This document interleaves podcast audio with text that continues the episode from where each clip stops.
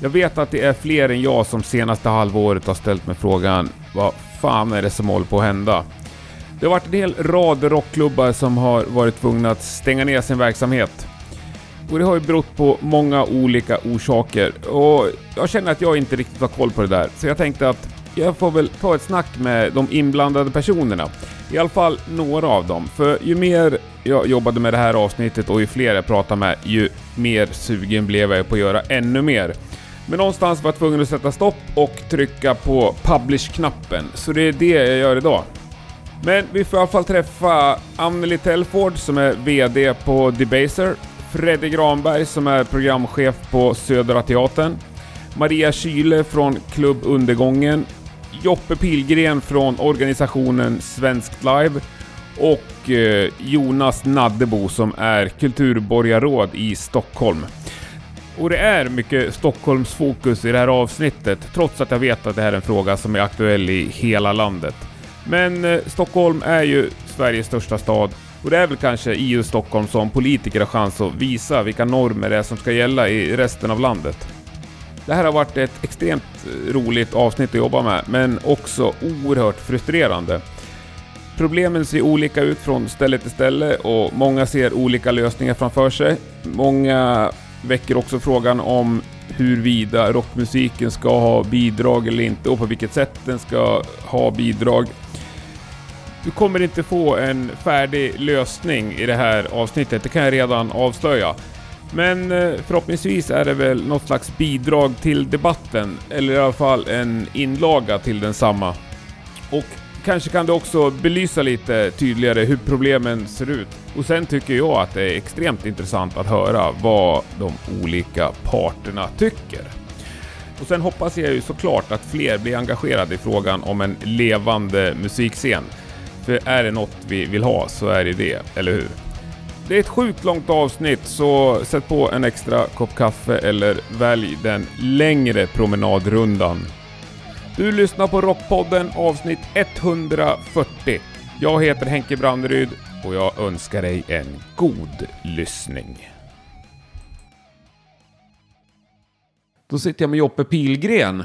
Ja, En man som i många, många år har dragit många lansar för liveklimatet i hela Sverige.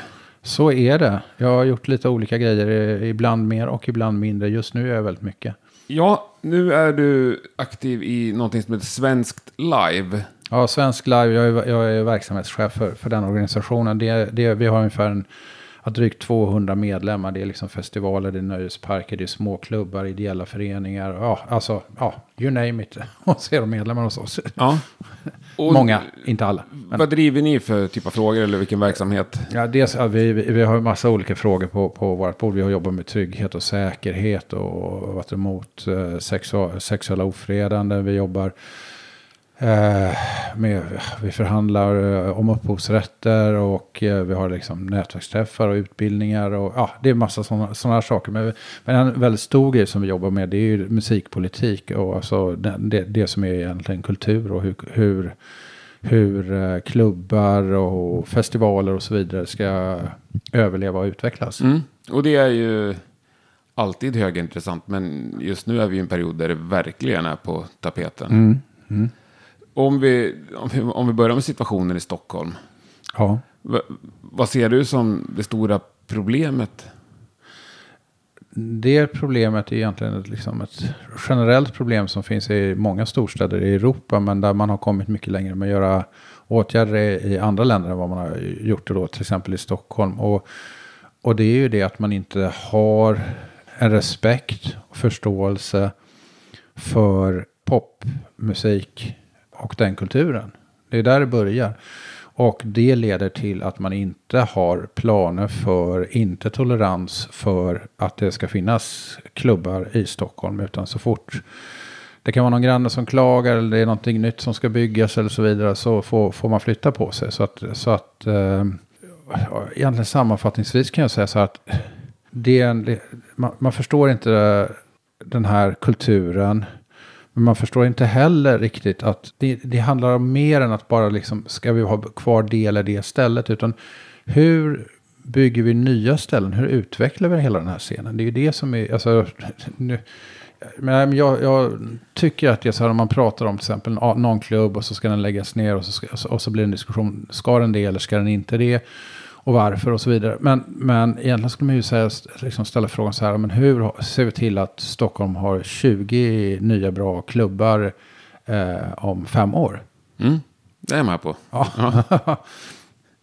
Men eh, du nämnde att många andra europeiska städer vidtar åtgärder. Vilka åtgärder du skulle vilja se som har funkat på andra ställen? men det är ju så att, att man, man, man, kan ju vända lite på liksom demokratiperspektivet. Om det är någon som störs av en konsert, utomhuskonsert eller en klubb eller någonting sånt där. Mm. Så har ju den företräde via lagstiftning, alltså bullerregler och så vidare, att egentligen eh, stänga ner den klubben. Mm. Och då kan man säga så här att om, om man tar en, ja, man säger, jag vet inte exakt hur många som går på Debaser på ett år, men säg att, vi, säger, vi säger att det är 100 000, någonstans där är det ju. Säkert. Ja, då, då, då räcker det alltså att någon har lite för högt ljud i en garderob hemma hos sig, 2 decibel. Och då vinner den som har 2 decibel för högt i sin garderob. Sen ska man respektera folks nattro, man ska liksom göra åtgärder som är relevanta och vettiga. Eh, så, så, så det är klart att man inte kan dåna på hur som helst eller, eller vad det nu är för någonting. Eller, eller stöka på på gatorna eller vad som händer utanför en klubb. Det, det, alltså, som, klart man ska ha respekt för, för samhället. Men liksom någonstans så känns det som att samhällets respekt för den här typen av verksamheter är på tok för låg. Och, eh, och man har inte riktigt insikt om vad det betyder. Anneli Telford, vd på Debaser, ett av eh, Stockholms absolut viktigaste etablissemang för livemusik. Tack. Också en eh, kedja som har drabbats oerhört hårt senaste åren mm. av nedläggningar. Alltså först så hade vi Debaser Slussen och det var inte jättekonstigt att Debaser Slussen försvann för den eh, var ju eh, på grund av ombyggnationsplaner av ja. hela Slussen. Ja, det, var inte, det var inte direkt riktat mot rockmusik. Det var det inte. Nej. Däremot så eh, tyckte vi att vi blev uppsagda onödigt långt i förväg. Eh, men sen så skulle man ju också kunna planera redan då för att ersätta den lokalen med en ny lokal i till exempel nya Slussen eller på något annat område. Och det gjorde man ju inte. För det var också ett hyreskontrakt ifrån Stockholms stad? Absolut. Alla våra lokaler i Stockholm har varit hyreskontrakt eh, via Stockholms stad. Det har varit samma hyresvärd, eh, Fastighets och saluhallskontoret heter de, som är den kommunala hyresvärden för större samlingslokaler och så. Men jag låter novis här, men alltså, hur långt kontrakt hade ni till exempel på Slussen? På Slussen så hade vi ett klassiskt rivningskontrakt. Okay. Eh, där vi började med att teckna för fem år. Och sen tecknades det ett nytt för tre år och så blev det ett år i taget. Sådär. Eh, så vi hann vara där i tio år innan vi försvann. Vilket ju var en härlig tid och så. Det var ett jättebra sätt att använda den lokalen på under tiden. Um, men det, jag, det enda som jag är kritisk till gällande just Debaser Slussen det är väl att man inte tänkte in en ny konsertlokal i den nya Slussen som byggdes. Det hade ju varit fint. Fanns det någon slags hänvisning från politiskt håll att ja men ni har ju Medis?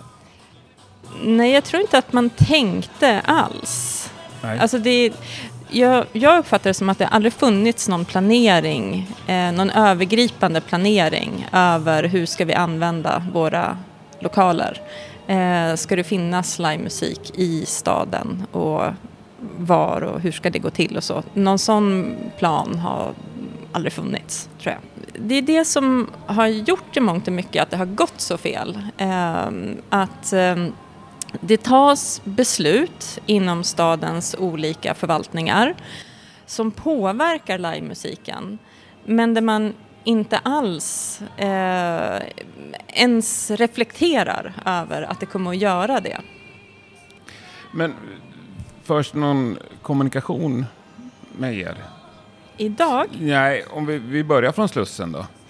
Det, det när... Där blev vi bara uppsagda, ja. punkt. Liksom. Eh, och eh, sen när det kom till Debaser Medis ja. då fördes ju ingen kommunikation med oss i något tidigt skede heller. Utan där var det ju verkligen så att vi blev eh, otroligt chockade när det gick ut att eh, biblioteket ville ha våra lokaler. Mm. Eh, det var vi helt oförberedda på. Ja, man kan tänka att det är många som vill ha de lokalerna på Medborgarplatsen. ja, absolut, det kan man ju tänka sig. Men där så var det ju en väldigt annorlunda situation. Där hade vi ju ett eh, helt vanligt hyreskontrakt med besittningsskydd. Eh, det, var, det löpte över tio år och ehm, vi hade ju inga som helst eh, vibbar av att vi inte skulle vara kvar där. När vi investerade väldigt tungt i de lokalerna när vi tog över så var det ju verkligen i liksom andan att här kommer vi att finnas och verka. Det var ju därför vi klev in där. Ja. Eh, vi visste att Slussen skulle försvinna någon gång Ehm, och vi visste att det inte pratades om att den lokalen skulle ersättas framåt. Så då trodde vi nog att det, eh, Debaser Medis skulle vara lokalen som vi hade kvar framåt. Hur fick ni reda på liksom, att ni inte skulle få kvar där? Eh, det var väldigt absurt. Vi, eh, vi tillfrågades om vi kunde ha en visning av våra lokaler för kulturförvaltningen på Södermalm. Eh, och vi var lite frågande till vad det handlade om. Det var inget studiebesök alltså? alltså vi, vi fattade inte vad det handlade om först och sen så kommer det in människor som vi aldrig har träffat, många också kanske 30 personer ungefär Oj, ja. och börjar gå omkring i våra lokaler och det visar sig att de är där för att shoppa fast utan plånbok. De vill ha våra lokaler. Och de är då eh, bibliotekarier delvis som inte har någon aning om liksom, vad vi vet och inte vet. Eh, de är ju no bad guys mm. i det här.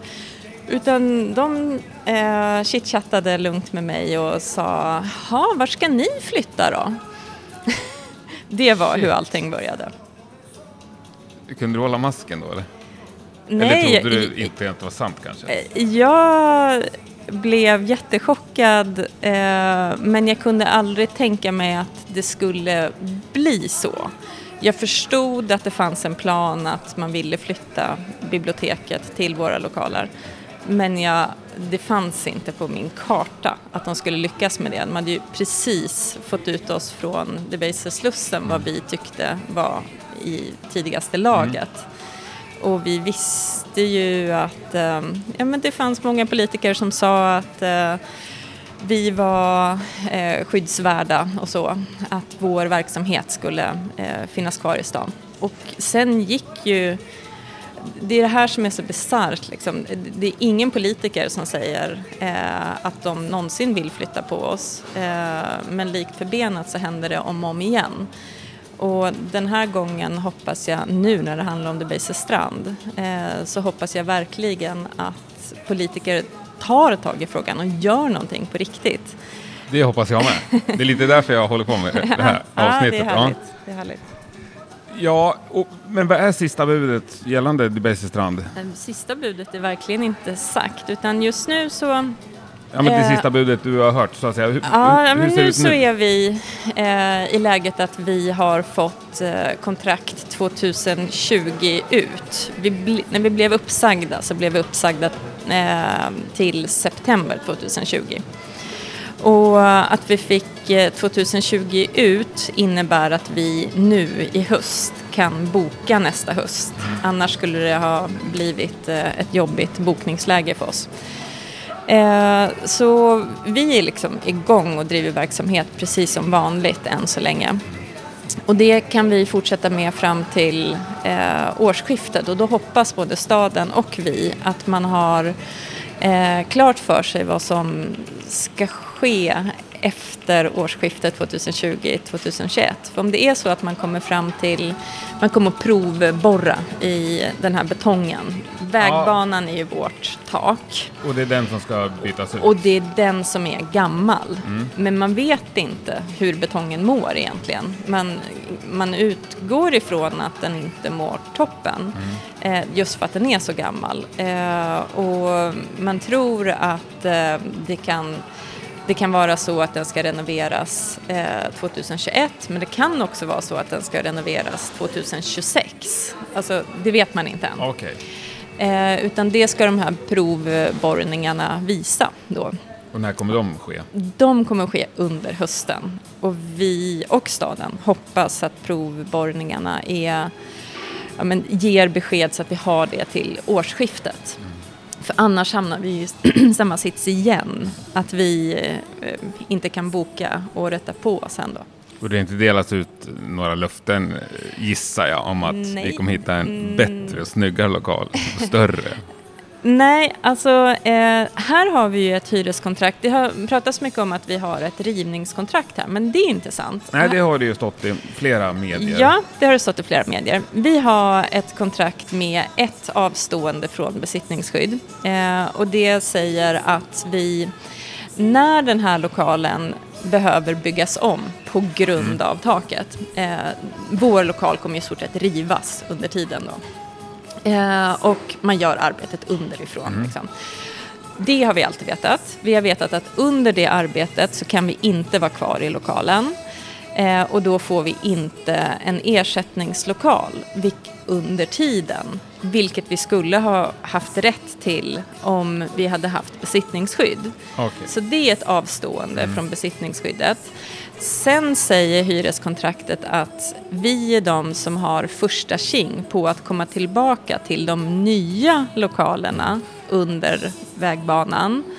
Eh, Men det kan ju ta flera år? Det kan ta mellan ett och ett och ett halvt år var en tidigare beräkning ja. som jag har hört talas om. Men jag kan ingenting vara... om vägbygge. Jag bor vid TV4, där har de hållit på utanför där i tre år tror jag. Ja, ja. I det här det vi hoppas är ju såklart att det kommer att vara en ja, men tidsplan som går ut på mm. att man ska följa den och det ska kunna återkomma en verksamhet ja. i lokalerna. Eh, men det blir ju en ny lokal och det blir till eh, marknadsanpassad hyra eh, och så. så. Det finns ju andra svårigheter där som man får se vad är det som vi erbjuds. Men hyreskontraktet säger fortfarande att vi är de som ska ha första tjing på en ny lokal under vägbanan. Dock så var det så när vi blev uppsagda nu inför eh, vi blev uppsagda för avflyttning här i våras. Eh, att man inte tänkte bygga någon ny lokal. Eh, därför det här var ju Trafikkontorets projekt. Det är det här jag menar med att det inte liksom, har funnits någon samordning i stadens olika förvaltningar. Eh, som, det finns ingen som tar hand om intresset livemusik i eh, staden. Så när då kulturförvaltningen inte är medvetna om att trafikförvaltningen tar beslut som påverkar kulturlokaler så kan det ju gå fel. Mm. Trafikkontoret gör ju inget fel i sig. Eh, alltså, de sköter sitt jobb och de har hand om den här vägbanan. Håller, ja, precis. Mm. Men det borde ju finnas en eh, kulturklassning på livemusikslokaler som gör att vi inte får stänga ner fler i Stockholm. K-märkning, ja. ja. U-märkning, ja. Men absolut, jag tycker verkligen ja. det. Man kan ju klassa lokaler på massa olika sätt och vi har väldigt få livemusikslokaler kvar i staden nu. Och den enda eh, lokal som staden äger som har eh, pop och rockmusik, det är den här. Det är den enda som finns kvar. Är det så? Ja, innanför tullarna så är ja. det så. Utanför tullarna finns det några. Innanför tullarna är den här. Och då borde ju den vara av särskilt intresse kan man tycka. Eh, så jag tycker att man dels borde ja, men göra en sån kulturmärkning som bara utgår ifrån verksamheten. Den här verksamheten ska finnas kvar. Men jag tycker också att det borde vara så att i hyreskontrakten skulle det vara inskrivet att man får inte ha något annat än livemusik här. Eh, vi skulle kunna ha sålt det här imorgon till en bowlinghall utan att staden skulle kunna stoppa oss. Eh, så det här med den, den övergripande kontrollen eh, finns ju inte. Och det vet jag att Naddebo jobbar på, vilket är jättebra, men den behöver verkligen komma på plats. Jonas Naddebo, mm. kulturborgarråd i Stockholms stad. Det stämmer bra det. Fin titel. Ja, en väldigt fin titel ja. som förpliktigar. Ja. Ska man vara kulturpolitiker någonstans så ska man väl vara det i Stockholm med ett fantastiskt levande, stort kulturliv. Bra att du tycker så. Eller mm. det tycker jag också. Ja. Eh, men anledningen till att jag sökt upp dig är att delar av det håller på att dö. Ja, och det är ju någonting som jag är otroligt orolig för. Och liksom, jag har ju också tagit ställning för att vi ska ha en levande stad som låter och lever när vi har roligt i staden.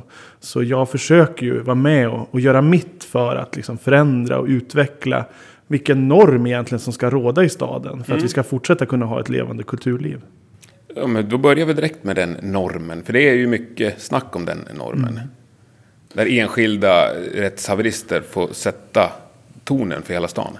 Ja, alltså det är ju såklart en balansgång. Vi måste ju ha en, en miljö där människor kan bo och leva i. Men vi måste också ha en förståelse för att ska vi få leva i en stad som vi kanske flyttade hit för att, att få vara i. Det vill säga en mm. levande, spännande stad med ett bra nattliv och ett spännande uteliv.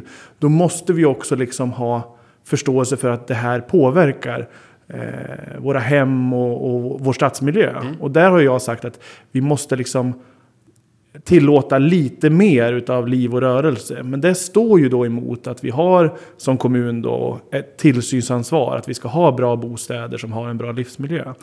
Eh, så det här är en utmaning och vi behöver hitta den här balansen. Mm. För om jag är lite enkelriktad och ser det från den levande rockmusikens synhåll så är det ju inte så mycket balans. Nej, och det är just det här jag har varit så glad för att vi nu har fått de här Alltså att vi hela, äntligen har fått ett politiskt samtal om det här. För det har varit mm. så att grannarnas rätt att, att klaga och ha synpunkter, det har liksom varit den grundläggande normen. Nu har vi liksom upprop på Facebook. Vi har, jag var på Medborgarplatsen på den här demonstrationen när man liksom vill liksom slå ett slag för att Stockholms kulturliv faktiskt måste få låta. Så jag är glad att vi har fått till den här diskussionen och att det faktiskt handlar om vilken sorts stad vi vill leva i i framtiden. Och då behöver vi liksom Eh, justera den här normen och liksom fundera på hur kan vi utmana systemet. Jag vet ju att det finns liksom jag brukar jämföra med en Stockholmsmodellen som finns för att kunna bygga bostäder i bullerutsatta områden. Där har man liksom i Stockholm hittat ett sätt att hantera att vi kan bygga bostäder trots väldigt mycket buller. Genom att vi har ett sovrum på en, en, åt ett tyst håll så man har en tyst sida på husen. Mm. Varför skulle vi inte kunna ha en Stockholmsmodell när det gäller nattlivet? Att vi liksom hittar ett sätt att hantera de här reglerna. Både med hänsyn till de som bor men också så att man kan säkra de här klubblivet och de här eh, kulturscenerna och livescenerna långsiktigt. Eh, för jag tycker att det här är en sån viktig fråga. Men det har hittills inte varit så. Och därför behöver jag liksom driva på. Vi gör det liksom kortsiktigt i de olika besluten. Eh, det kan handla om Melodybox som vi stöttade till att hitta ett, ett tillfälligt bygglov. Det kan handla om Södra Teatern. Eh, där vi försökte liksom justera i alla fall till det bättre antalet spelningar. Som vi gjorde under den här veckan. Så, ja, okej. Okay. Det var en, en liten seger att de fick två mer. Från 19 än, till 21? Från 19 till 21. Det kan ses som en liten seger. Men det handlar ju om faktiskt att polit, politiken säger att ja, tjänstemännen gör den här bedömningen. Men vi politiker vill se ytterligare. Dessvärre så måste jag redan nu avbryta med en liten uppdatering. Det är så att en sån här härlig granne till Södra Teatern har lämnat in en överklagan gällande utomhuskonserterna på Mosebacke-terrassen. Så vi kan inte ta ut den segern redan nu, trots att den var liten. Fortsättning följer helt enkelt. Eh, du kan gå in på södrateatern.com så finns det en namninsamling där för att visa att vi är många som är emot detta trams och då är det ett litet steg, men det är ändå ett, ett perspektivförskjutning. Och det tror jag är viktigt, liksom, att man ser att politiken har tagit det här till, till, sin, till sitt hjärta och förstår att även fast alla tjänstemän gör rätt utifrån sina förutsättningar och sitt uppdrag att utöva tillsyn så kan vi som politiker höja blicken och se vad behöver vi för stad? Och då behöver man göra det liksom. Och det är små steg, jag vet. Och jag var inte helt nöjd såklart. Men det är så i politiken att man får också förhandla och jämka sig framåt. Och det har jag på något sätt full förståelse för. Eh, även om det låter så oerhört osexigt. Liksom. Ja, men kommunpolitik är inte det sexigaste Nej. man kan hålla på men med Men hur många spelningar hade du velat sett? Ja, men det är klart att vi, vi ropade väl för att vi kanske skulle kunna få de här 28 stycken. Men ja. vi var, fick inte riktigt eh, en majoritet för det, så att, så är det ju. Och, och, och, men det ska man också säga att ska man, jag har också sagt att man behöver göra bulleråtgärder på det området. För där är faktiskt buller som är uppmätt i några av bostäderna väldigt högt. Så det är ju den här balansgången någonstans. Eh, jag hade ju gärna sett att man kanske hade fått fler spelningar, men också att man hade gjort bulleråtgärder kopplat till det. Och att kommunen då skulle gått in och gjort de bulleråtgärderna? Nej, det är ju entreprenören som är ansvarig för detta. Vi kan inte gå in och stötta enskilda företagare i, sin, i sitt företagande så att säga. Däremot tittar vi... Men om det är hyresbostäder som är helt eftersatta fastighetsägaren Ja, då är det fastighetsägarens ansvar att, att uh, göra åtgärder också. Så att där behöver man hitta den balansgången. Liksom. Hur hittar vi de här åtgärderna? Uh, men vi har ju andra aktörer som har gjort jättestora bullerinsatser. Och Trädgården till exempel, uh, vid Skanstull där. De har gjort bra insatser som har gjort att man har fått ner bullret väldigt, väldigt mycket. Så det går ju att göra insatser så att vi faktiskt kan, kan nå den här balansen. Fredde Granberg, programchef på Södra Teatern. Stämmer bra. Hur är läget? Det är bra. Ja, vad säger vi om Stockholms kulturliv? Livescenen är det vi fokuserar på idag. Ja, vad säger vi? Det är liksom en utveckling som har varit är ju, det är ju en nedåtgående spiral, mm. eh, minst sagt. Eh, när vi, när jag själv spelade, började liksom vara på turné från 94 framåt. Då fanns det ju väldigt många ställen som inte finns kvar längre. Men vilken typ av ställen tänker du på då? Du, snar- ja, du, det? Det du liksom... spelar ju hårdpunk ja, i Randy. Precis, ja. precis. Ja, men det var ju liksom Tre Backar och det var Gino, där spelar man i och för sig aldrig. En massa ställen i Gamla stan. Fritz där vid Sankt Eriksplan. Eh, studion. Ja men det var ju, det var ju en del ställen ändå liksom. Det är klart att det, det kanske kommit nya liksom. Men, men, men det känns ändå lite, lite deppigt liksom. Mm. Tycker jag.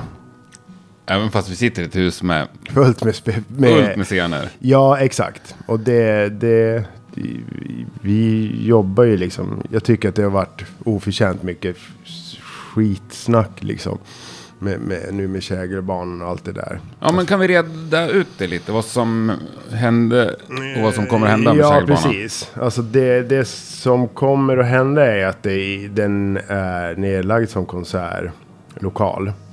Det har varit sista giget där redan? Ja, precis. Det var i juni när vi hade Stockholm Americana-festivalen. Eh, och det beror på, inte till 100% men till stor del på att vi har liksom fyra ärenden inne hos miljöhälsa på, på Kragomår. Eh, det har varit nattklubbar och det har varit konserter. Eh, och för att möta de krav som ställs, som i sig är helt sinnessjuka, med 15 dB i, i, i tyst rum liksom. Vilket motsvarar ett, ett bibliotek som är stängt. Förklara det här för oss som inte riktigt är insatta. Det ska alltså vara 15 dB i grannens vardagsrum. Ja, precis. Det, mm. Vilket är knäpptyst liksom. Mm. Och det, det, det, är helt omöjligt att, att, att, möta de kraven. Det är därför vi får, när vi har konsert uppe på Mosebacketerrassen, så får vi ju tillstånd där vi får gå över de här eh, gränsvärdena mm. liksom. 19 i år. Men fram till klockan 10? Fram till klockan 22, precis. Och vi har ju haft arkitekter och liksom ljudakustiker här som man kollar. Och det man, det man, just i Kägelbanans fall så måste man, när jag började här 99, 2000 började vi göra konserter på Kägelbanan. Då var det bara en enkel glasvägg liksom. Mm. Och det var ju inte speciellt ljudisolerat när Queens of the Stone Age spelade till exempel. Så då gjorde man en till eh, grasvägg liksom så att det blev dubbelt där.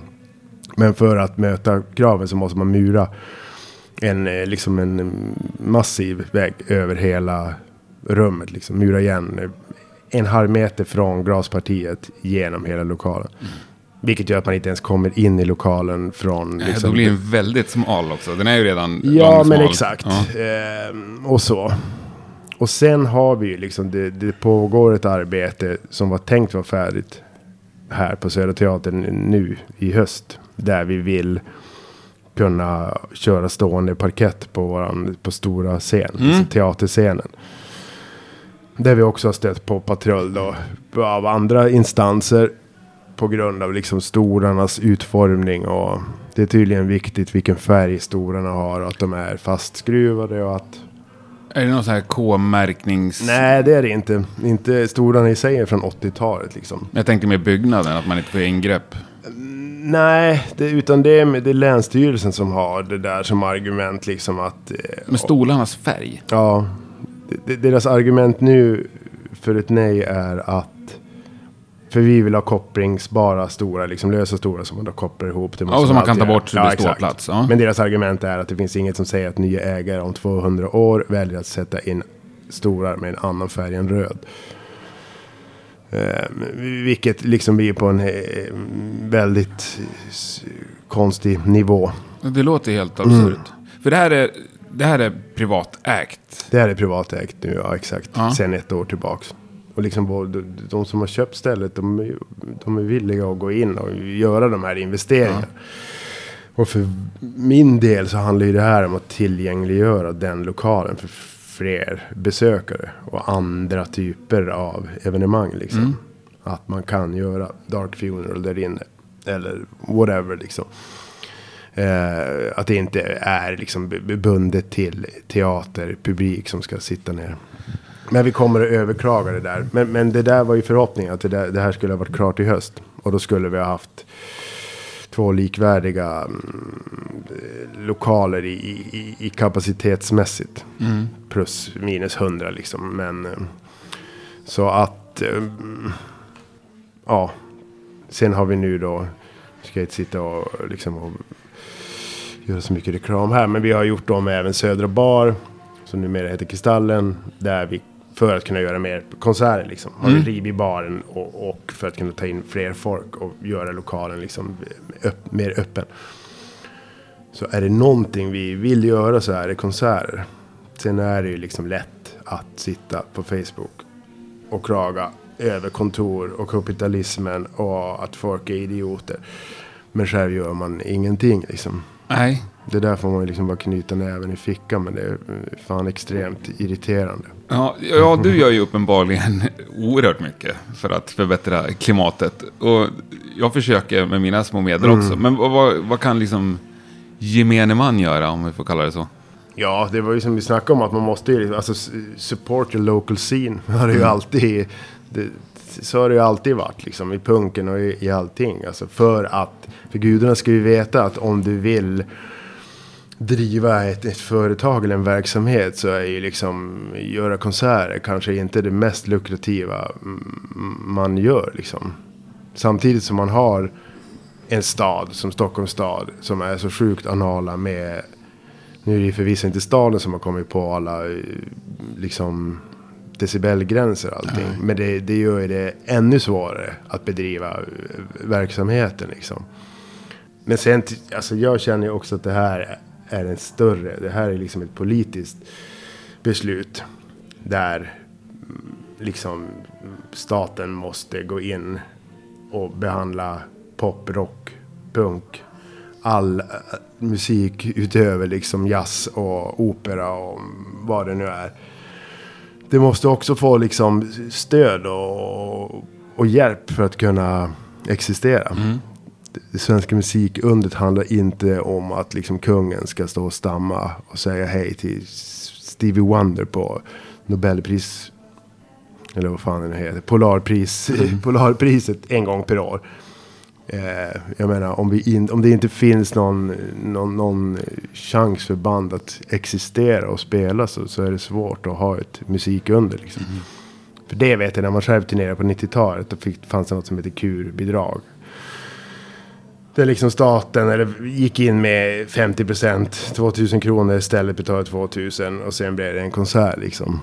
Och något, något eh, sånt måste ju också till. Det var bandet som fick det bidraget? Ja, precis. Ja.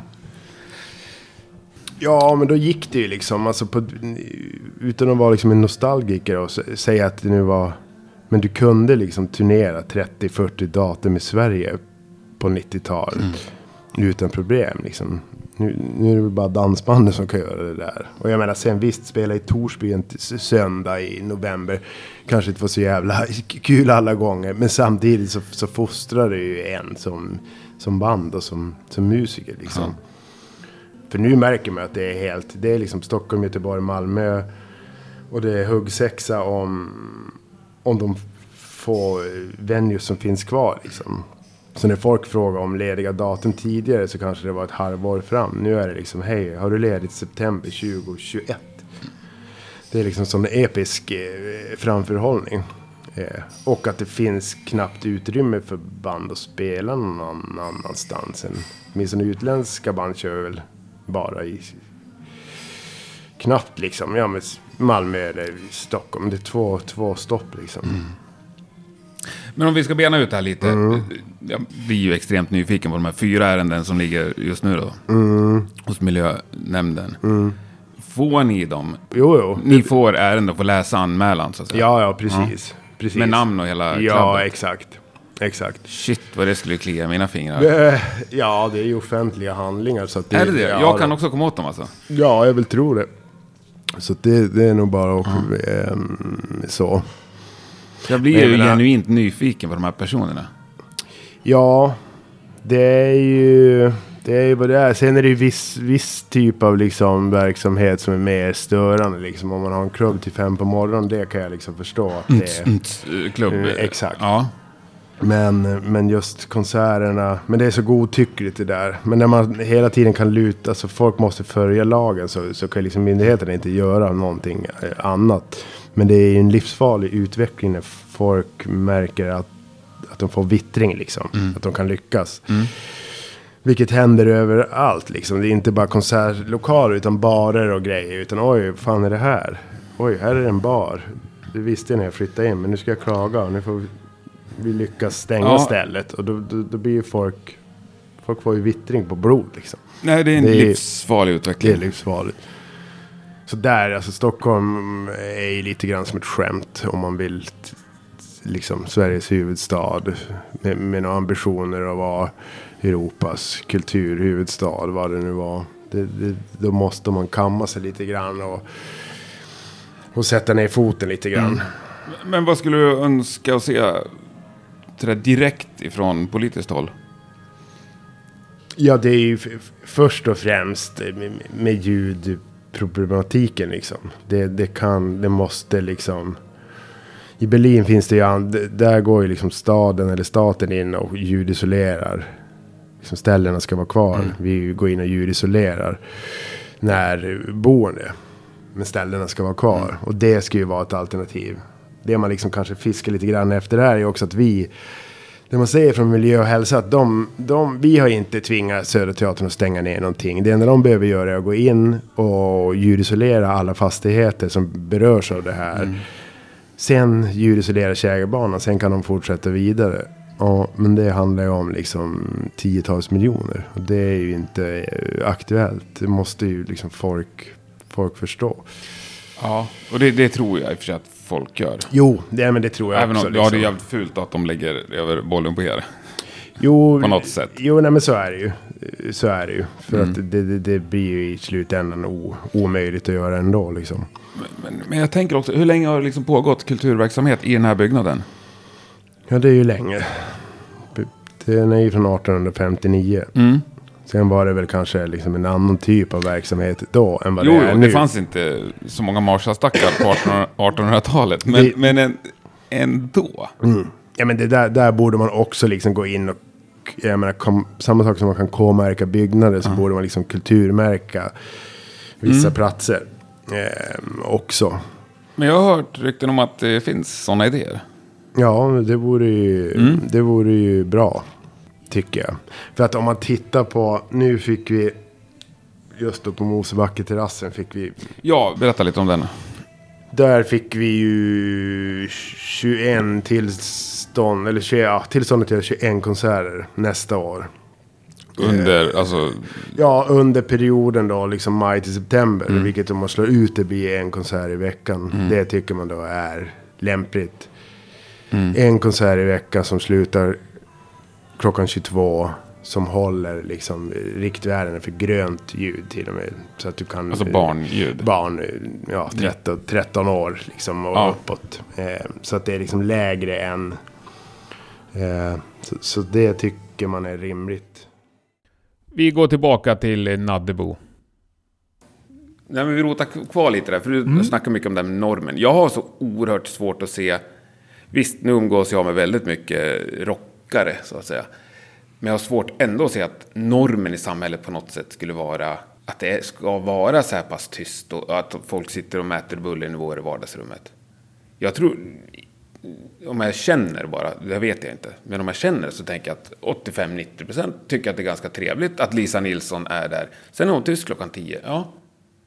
Ja, men det är ju det jag menar. Att vi måste då ju skulle man se kunna de ha tre konserter i veckan, tänker jag. Ja, jag tycker att man skulle få ha mycket fler konserter jag också. Men det är ju någon slags balansen man måste gå för att det finns ju ändå riktlinjer av en anledning för att man ska kunna ha en, en inomhusmiljö som, som är dräglig. Eh, Men, eh, men det här, vi får ta det steg för steg. Alltså jag tänker fortsätta kämpa för att vi ska ha en levande stad där kulturen får ta mer utrymme och att vi har ett nattliv som kan utvecklas. Men bara det att vi sitter här och har den här diskussionen gör ju att det här står högt upp på min dagordning. Eh, vi har ett samtal i Stadshuset om det som kanske inte har förts på, på samma sätt tidigare. Så eh, kommunpolitik tar sin tid och det tar en, en tid också att vända en sån här opinion. Men som du säger, jag tror att det är enskilda som har synpunkter och de har lagen och rätten på sin sida att få sådana här saker prövade. Eh, och då måste vi pröva det och hitta en rimlighetsbedömning. Visst. Men det jag tycker är så provocerande, det är att det kan vara i vissa fall en person som klagar. Jo men så är det ju alltid. Vi har ju, är vi har ju ett demokratiskt system som gör att Fattar vi till exempel kommunala beslut, då kan det vara en person som tycker att det är ett felaktigt beslut. Och då har de rätt att överpröva. Mm. Och likadant, är när vi ska bygga nya bostadsområden till exempel, då kan det vara en person som överklagar ett beslut. Och någonstans, så jag försvarar ju liksom rätten att vi har en demokrati, där människor har insyn, där människor har möjlighet att att ha synpunkter på kommunala och offentliga beslut. Det är ju egentligen någonting vackert och fint för vår demokrati. Men ibland kan man ju bli lite frustrerad över att Eh, det sätter käppar i hjulet för stadens utveckling, till exempel att bygga bostäder, eller det sätter käppar i hjulet för att vi ska kunna utveckla nattlivet. Men på något sätt så kan man liksom inte man kan inte frånta den här demokratiska rättigheten att överpröva beslut och, och hävda sin lagliga rätt. Eller hävda då att man har enligt Folkhälsomyndigheten rätt till en tyst och dräglig livsmiljö i sin bostad. Men jag tror ju att vi kan påverka en opinion och en förståelse och en liksom... Det eh, vill ju jag som politiker kunna- kunna driva på. Och sen är det väl klart att vi också måste se till lagstiftningen. Är det så att det här är en orimlig lagstiftning?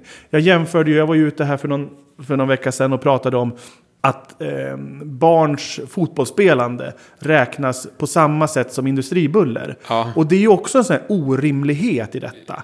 Och det är ju det jag känner liksom att kan vi, eh, kan vi ta hela de här frågorna och verkligen lyfta dem och se är det ett sånt här samhälle vi vill ha? Är det ett samhälle som där vi inte kan spela Nej, men det var konserter? väl någon idrottsplats som fick... eh, Ja, det är ju, det är ju en, en rättslig prövning just nu Ja. i Nacka om, om en Ja, fotbollsplan. Var det, ja. Där de har fått rätt i miljö, eh, miljödomstolen och nu ska det gå över till miljööverdomstolen. Och det är ju sådana här hantering. Det är också någon som har klagat. Liksom, Men, men en är enskild. inte det liksom så långt bortanför allt rimligt sunt och förnuft så att det inte ens borde tas på allvar? Eller kan man inte tänka så som politiker? Det är klart, jag, jag har ju sagt att det inte är en rimlig väg framåt. Det har jag varit tydlig med. Det är ju samma som, som jag tar tar spjärn för nattlivet och, Ja. och, och klubbdöden. Vi måste göra någonting. Och, och det är ju inte gjort på en handvändning. Dels att, att förändra en opinion, dels att ändra lagstiftning. Det är ju sånt som tyvärr tar väldigt lång tid. Mm. Eh, Men då måste vi som politiker säga att det här är inte rimligt. Vi måste Nej. göra en annan avvägning. Och det har jag gjort. Jag kämpar för det i kommunen och jag vill också påverka våra lagstiftare att se över hur ska det här egentligen se ut långsiktigt. Ja, ja för att det är liksom den logiska slutpunkten i det där resonemanget. Den blir ju, ja, ska jag säga en tom parkering då eller? Ja, liksom vi måste göra något åt den här normen om att den tysta gatan eller den tysta eh, kvarteret är liksom normen. Utan vi måste vara beredda på att det folk faktiskt söker sig till Stockholm för och det som faktiskt leder till ökad trygghet, det är ju att folk och människor är ute och tar del av vårt nattliv. Så vi har både liksom företagsperspektivet, alltså kulturella kreativa näringar, är ju, vi har ju vart femte företag i Stockholm jobbar inom den här näringen. Vi har möjligheten att få fler att vara ute och ta del av nattlivet och då får vi tryggare gator för att det är fler människor ute som ser om varandra. Så det finns ju så många värden i det här som vi måste ställa mot att vi stänger ner eller att vi skapar en död stad. Det låter jättebra. Det känns ju skönt. Ja, vad skönt. Ja, verkligen.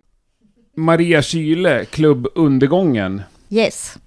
Eh, Klubb Undergången på 20 sekunder för lyssnaren som har missat det. Oj, eh, ja, Undergången är en klubb som eh, i Stockholm då bokar eh, Doom, Stoner, Sludge, olika typer av psych. Så det är ja, tungt. Tungt. tungt. Tungt och högljutt. Underbart ju. Ja. Om vi ska knyta an till lokaler, vart brukar ni hålla till? För ni har ingen fast lokal. Nej, det har vi inte. Ehm, länge så, så höll vi bara till på Nalen Club, ehm, liksom bakfickan. Ja, på, källaren liksom. Ja, Ja. källarlokalen på Nalen. Eh, och där är vi fortfarande ibland, men eh, den har byggts om och blivit ganska mycket större. Så vi är även på lite andra ställen nu. Vi har några eh, gig bokade på Southside, som är ett litet ställe vid Zinkensdamm. Och sen um, ibland så är vi också på slakthusområdet. Antingen om det är något stort så i Slaktkyrkan eller Hus 7 som är en mindre lokal där. Ja, ska vi gå direkt på problematiken? Ja, absolut. Hur, vad har ni stött på för problem i Stockholm? Ja, det börjar bli svårare på alla sätt. Eh, dels så är Stockholm en väldigt dyr stad. Det gör att det är svårt eh, som ja, DIY-klubb. Så. Vi, vi fungerar ju som en, eh, en ideell förening.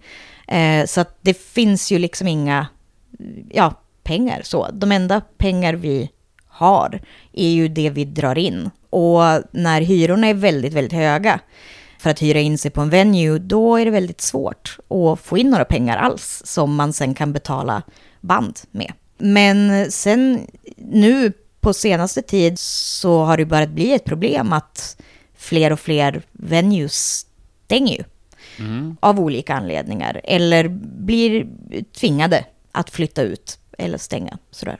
Ni hade ju också, eller har, det är ju i ropet nu, ett gig som blev inställt. Yes, precis. Vi skulle ha haft två ja, sludgeband. Eh, Horndal eh, och Suppressed som är upp norrifrån. Och det blev ju då droppat, den bokningen.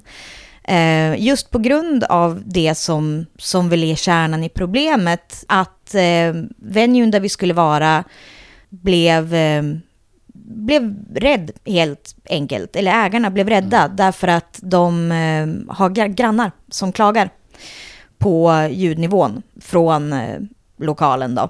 Så att eh, de, eh, de vågade inte genomföra bokningen helt enkelt. Och eh, Får jag bryta bara, hur, hur gick det där till? Hade liksom eh, krogen suttit och kollat upp banden själva?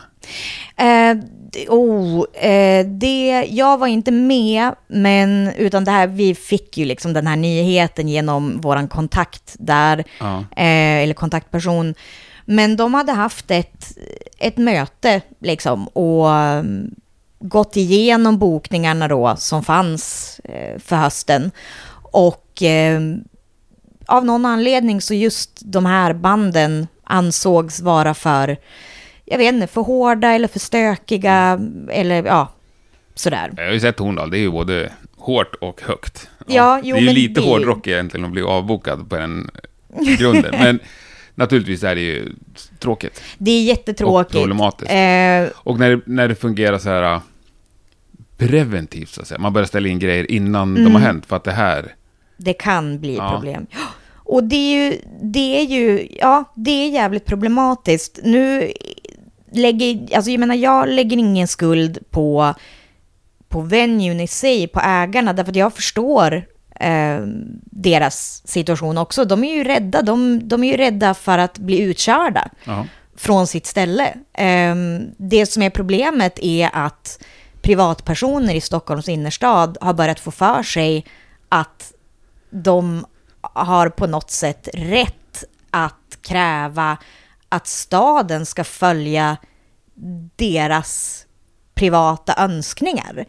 Um, och att man på något sätt ska kunna bo i centrala Stockholm och kräva att det ska vara tyst efter klockan tio varenda kväll, även helger. Liksom.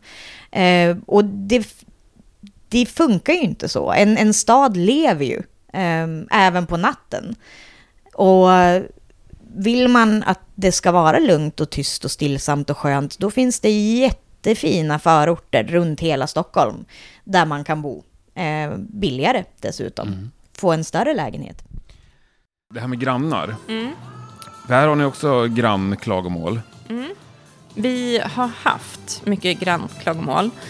Men eh, det är ju som nästan alltid ett väldigt fåtal personer. Och där kan det vara extremt frustrerande att man blir så väldigt ensam eh, i att vad allmänheten i regel inte känner till, eller liksom den som inte driver företag inte Berätta känner till. gärna.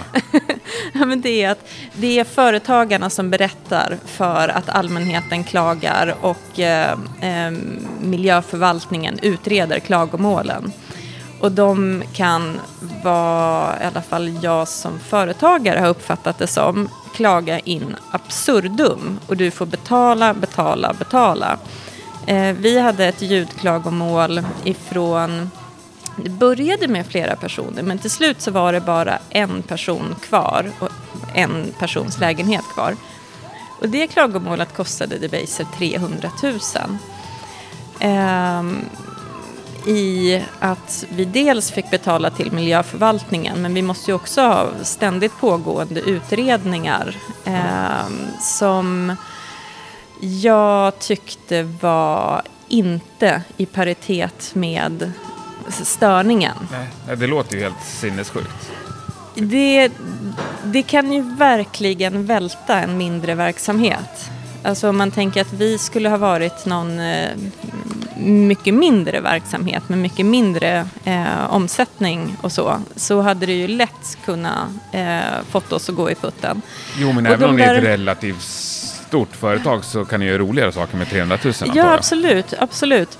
Eh, men där så tyckte jag att eh, det återigen eh, kunde hamna i att eh, man hamnade hos en tjänsteman som var väldigt nitisk och det då som företag var svårt att få gehör. Eh, att det här är inte rimligt. Liksom. Ehm, så det återkommer hela tiden till det att allt är så personberoende. Det måste, det måste finnas en mycket mm, rättssäkrare väg när det kommer till just eh, klagomål på ljud. Och det kanske också är på väg. Jag uppfattar som att miljöförvaltningen är på tårna och lyssnar nu eh, på ett annat sätt än vad jag uppfattade det som för både fem och tre år sedan. Eh, det är ju en aktuell fråga. Och jag, jag uppfattar det faktiskt som att den här stora stormen av människor som blir förbannad på att vi, vi kan inte ha en död, tyst stad.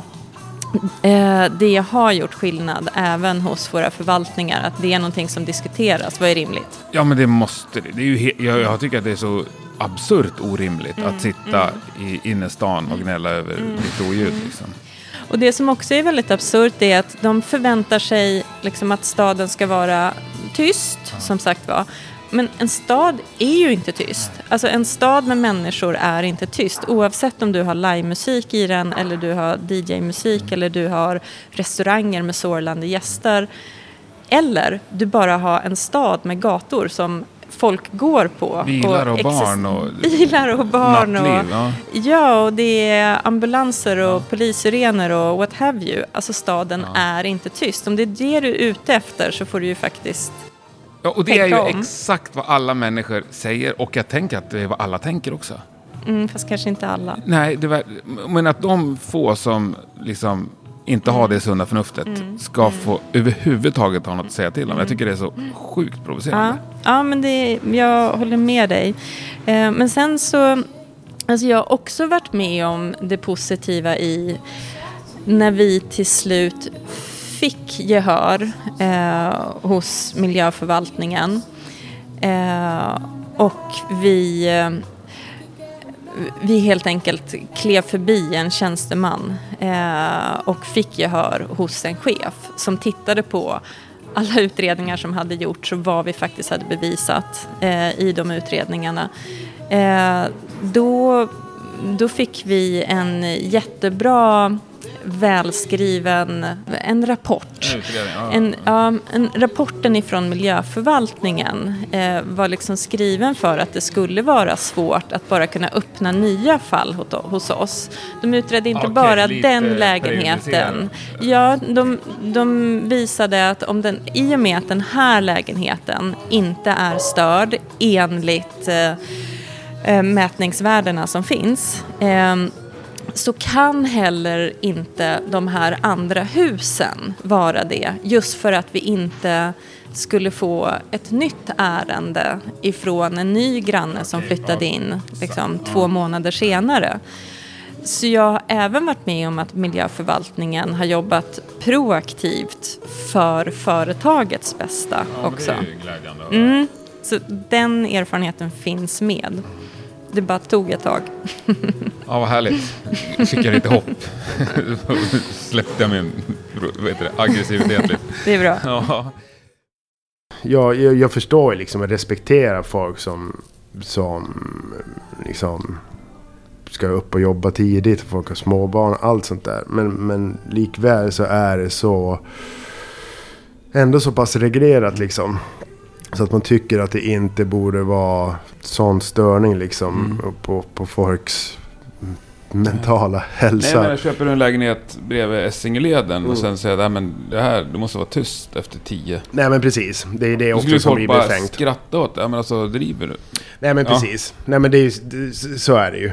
Jag, jag har liksom hört, det är samma sak med den där Bitter Pills i Hornstull som fick stänga ner på grund av klagande grannar och djur. Och, och liksom sig i korsningen, liksom Långholmsgatan, Verkstadsgatan.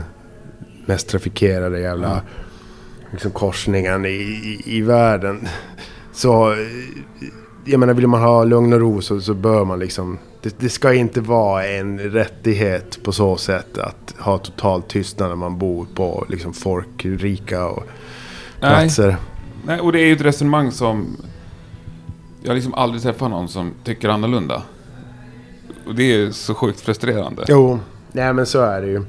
Så är det. Sen tycker jag att det blir liksom onödigt så här he- he- hetsk ton när man så här bara säger att alla är inflyttade bönder och och hit och dit. Det har man väl liksom ingen aning om. Men, men sen visst alltså.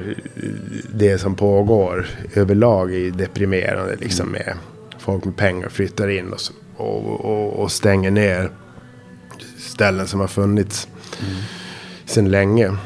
Eh, och där är ju, alltså jag personligen tycker ju att Café 44 är universums viktigaste plats.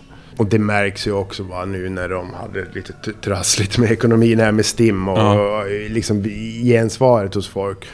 Och Café 44 är ju mig liksom veteligen det enda stället där du som band kan ringa in och säga Tjena, vi vill, skulle vilja spela. Ja, men vi har kom hit näst, nästa torsdag liksom. Vi sprittar in trädet. eh, Ja, enkelt eh, och, och lätt liksom. Eh, så det, det är det någonting som liksom ska kulturmärkas och alla former av liksom märkningar så är det i 44. Jag har hört flera personer nämna det här med att liksom märka vissa lokaler som kulturutövande lokaler. Ja, jag tycker det är en jättespännande tanke. Vi kan ju kulturmärka och K-märka och blåklassa olika ja. fastigheter för att de är så viktiga och för liksom ett, bidrar till ett historiskt perspektiv hur staden har utvecklats. Mm. Och på samma sätt skulle man ju kunna titta på olika musiklokaler som har funnits länge och som liksom bidrar till liksom det levande kulturlivet. Det tycker jag är en väldigt spännande tanke. Jag tycker man borde kunna utveckla det. En sak som vi gör på min förvaltning nu det är att vi eh, samordnar kulturmiljöfrågorna med kulturlivsfrågorna. För vi ser ju att när staden utvecklas så behöver ju kulturen ta mer plats. Dels genom ett strategiskt program men också att min förvaltning måste vara vassare. Att både titta på kulturmiljö, det är ju mycket kopplat till byggnader och fastigheter och det historiska. Och koppla det till kulturlivsfrågorna, det vill säga hur vill vi att, att kulturlivet ska utvecklas framöver. Mm. Så det, det, gör vi faktiskt en förändring i sättet vi arbetar från, från min förvaltning. För att få upp de här frågorna starkare när vi bygger och utvecklar staden. Ja, har vi något konkret Nej, alltså, jag, det här är ju en idé som jag har hört under det senaste, jag fick höra nog för ett halvår sedan, mm. om att, att alltså, kulturmärka eh, mm. lokaler och liksom säkerställa att de kan få finnas kvar. Jag vet att man har gjort så, jag tror det är London som har arbetat på ett sådant sätt. Eh, och där har de ju verkligen sagt att den här kulturinstitutionen är så viktig. Mm. Jag kan dra liknelsen eh, i Stockholm när en teater behöver lägga ner eller eh, man inte kan ha den kvar i sin egen mm. regi. Då gör ju vi från stadens sida allt för att den lokalen ska fortsätta vara teater, men kanske för någon annan mm. verksamhet. Och där har ju vi en kulturlots i, i staden som jobbar med att mäkla sådana här lokaler mellan fastighetsägare och kulturaktörer. Jag tycker ju att det är lika självklart att om en, en, en lokal som idag används för en verksamhet och de som driver den inte kan ha kvar den. Då borde vi vara lika intresserade av att hitta någon annan aktör som kan bedriva klubbverksamhet eller nattliv mm. på, i den lokalen. Ja. Men så har det inte alltid varit utan en teaterscen har varit mycket viktigare att bevara än, ett, än en nattlivsscen. Och det försöker jag ju ändra nu genom att lyfta de här frågorna på det här sättet. Men hur tror du att politiska majoriteten ligger i ett sådant beslut? Jag tror, jag tror att det behöver fortsätta liksom driva opinion för frågan. Vi behöver fortsätta ligga på kring det här för att vi, visa liksom att eh, även nattlivet är en viktig kulturinstitution. Jag har ju alltid sagt att jag vill riva muren mellan finkultur och breddkultur. Och det här är ett så tydligt perspektiv på att man, man kan liksom, teater det är en så viktig institution. Medan nattlivet har man kanske sett, ja ja, det får väl växa upp någon annanstans har man tänkt. Men jag har ju sagt hela tiden att jag vill liksom jag tycker de här olika institutionerna är minst lika viktiga. Så för mig är det liksom självklart att ta striden för nattlivsscenerna. Likväl som jag tar striden för att vi behöver ha kvar våra teatrar i stan. Mm. Nej men det tycker jag är bra. Men den, eh, alltså riva den muren mellan bredd och finkultur. Då kommer det också tillbaka lite till det här med bidrag. För jag, från politiskt håll är det ju helt självklart att stötta Operan eller Dramaten med sinnessjuka mängder miljoner. Jag vet inte hur mycket varje biljett på Operan är subventionerad med. Det är nog väldigt mycket. Nu är det statliga institutioner. Jag är ansvarig för Kulturhuset Stadsteatern och där subventionerar vi ju biljetterna med en hel del. Jag kan inte den exakta siffran men det är säkert Ish. till hälften skulle jag nog säkert säga. Räcker det? Ja, jag, jag, jag vågar inte säga exakt. För Operan är det ju långt, långt över biljettpriset. Ja. Fyra, fem gånger biljettpriset. Tre gånger i alla fall. Ja, det får stå för dig. Jag, jag vill inte ge någon Nej, exakt siffra. Jag kan inte heller siffran, men Nej. du vet att det är sinnessjuka pengar. Liksom. Ja. Och då, ska jag vara kort tänkt, så är det helt omöjligt att radera gränsen mellan finkultur och breddkultur. Men radera, jag tycker det handlar om ett, ett, liksom ett perspektiv i politiken. Mm. Vad är det för någonting som vi tycker är viktigt? Alltså den största delen av kulturen i staden den bedrivs ju helt på kommersiella villkor och helt fritt ifrån mm. från, från min kulturförvaltningsperspektiv. Och, och det, så ska det ju vara, det tycker jag är bara helt rätt. Mycket av musikproduktionen genomförs ju liksom på helt privata villkor. Och jag tycker det är så här att det fria och det liksom möjligheten att bedriva kultur, den ska liksom inte vara det, utgångspunkten ska inte vara att, att jag som politiker ska kunna ha några synpunkter. Jag vill ju liksom jag har ju sagt att en, alltså armlängds avstånd är en viktig princip inom, inom kulturpolitiken. Det vill säga att vi politiker ska absolut inte lägga oss i och styra. Och ju mer som är fritt och möjligt att liksom leva på egen kraft är ju bara bra. Sen ser jag att det behövs liksom stöd till vissa delar av kulturlivet. Och då tycker jag man ska liksom bedöma kvaliteten mer utifrån vad det kan ge till staden och vad det kan ge till stadsmiljön och nattlivet. Och liksom helheten. Men att bara säga att det är de, det är de traditionellt eh, finkulturella institutionerna som ska ha resurserna. Det tycker jag att man behöver fundera på om det verkligen ska vara så framöver. Ja, det tycker jag med. Och jag är absolut inte så att jag står och skriker att det måste gå massa bidrag till all musik.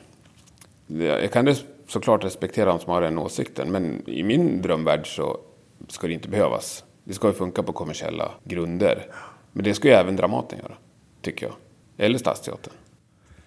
Jag tror att vi i ett litet land behöver ha eh, offentliga resurser till kultur. Det, det försvarar jag alla dagar i veckan. Och att vi från Stockholms stad lägger 200 miljoner ungefär varje år på det fria kulturlivet. Det, det tror jag att många ställer upp på en sånt perspektiv. För vi har mycket av den kulturen som vi tycker är viktig att stödja. Barn och ungdomskulturen, barnteater, det finns oerhört mycket sådana delar. Och varför inte också lyfta Kulturskolan som en väldigt viktig institution som vi från staden går in och, och liksom driver och genomför i verksamheten. Det är ju viktigt för musiklivet långsiktigt att det ska Absolut. kunna utvecklas. Så jag tror att vi behöver lägga betydande mm. resurser på att utveckla kulturen i vår stad. Lägg Men det är också ett ekosystem, det vill säga att gör, gör man någonting på ena sidan, jag tar filmen till exempel som vi som Stockholms stad går in och, och, och lägger en hel del resurser på. Vi har lagt 42 miljoner på de senaste 4-5 åren.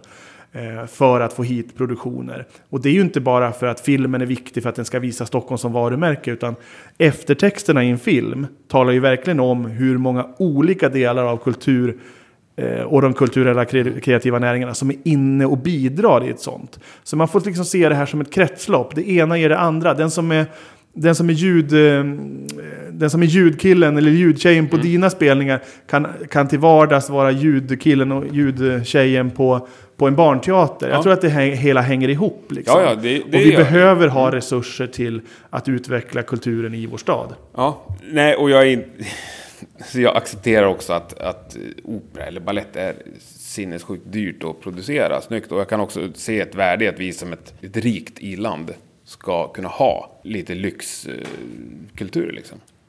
Ja, men jag, tror, jag, jag är också av den åsikten att det är helt fantastiskt att vi har sådana mm. stora, starka institutioner i ett så litet land som Sverige. Mm. Så det tror jag att vi måste slå vakt om. Jag, jag tror inte heller att vi vinner på att liksom eh, polarisera diskussionen, Nej. utan mer att liksom förklara de olika värdena som de olika kulturella uttrycken faktiskt bidrar mm. med. Ja, och ska vi nu skjuta till pengar till rockmusiken så behöver vi inte nödvändigtvis ta det från annan musik eller annan kultur. Då kan vi ta det från alltså, någon annanstans i, i budgeten så att säga. Mm. Mm. Det, kulturbudgeten ska ju som helhet bli större. Ja men absolut, det kämpar jag som kulturborgarråd alltid för. Mm. Att hitta resurser och liksom utveckla våra verksamheter. Det gör jag. Men eh, om vi pratar lite om framtiden, liksom, hur ser din realistiska framtidsbild ut tre, fyra år framåt? Ja, men dels så ser vi när vi nu bygger nya stadsdelar, Slakthusområdet till exempel, så där är ju både privata aktörer och vi från kommunens sida väldigt noga med att vi får se till att kulturen får ta plats mm. och få nya möjligheter att etablera sig. Och det finns väldigt starka kommersiella intressen av att det faktiskt också blir mer kultur i sådana områden. För det gör att man kommer kunna till exempel bygga nya kontor som får ett helt, attraktion, ett helt annat attraktionsvärde när vi bygger en, en blandad stad. Mm. Så där behöver vi ju ta de här bullerfrågorna från början på allvar för att säkerställa att det inte bara blir tillfälligt eh, nattliv i slakthusområdet utan vi måste se till att det skapas långa förutsättningar i till exempel ett sådant område. Så hela tiden när vi bygger och utvecklar staden, vi har ju Lövholmen som vi också har en hel del kultur i idag. Vad kan det finnas kvar för kultur?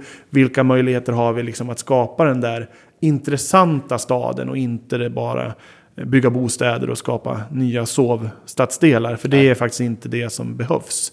Vi ser ju där att eh, vi behöver allt ifrån både bostäder och kontor och arbetsplatser och restauranger och, och nattliv när vi utvecklar staden. Så det är det jag ser långsiktigt nu. Att vi behöver ta nytag i hur vi planerar och utvecklar staden. Och jag vill ju gärna att man ser på stadens utveckling lite mer flexibelt. Stockholm är ju väldigt duktig på att liksom planera och rita och bestämma hur saker och ting ska vara från början. Jag tror att en stad mår bra av att växa lite mer organiskt.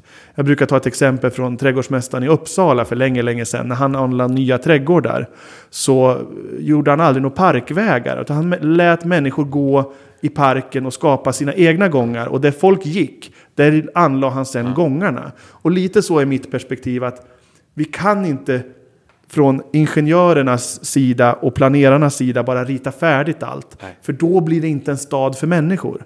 Så någonstans tror jag att vi behöver se mer flexibilitet i stadsplaneringen för att inte liksom planera ihjäl staden. Mm roligt att du drog det exemplet. Det har jag dragit i många år. Ja, vad bra. Ja, men då jag, är vi jag tror dock inte att Uppsala när jag hörde storyn första gången. Men det, men det blir en väldigt bra berättelse om hur man ska ta hänsyn ja, jag, jag till människors... På det skitofta.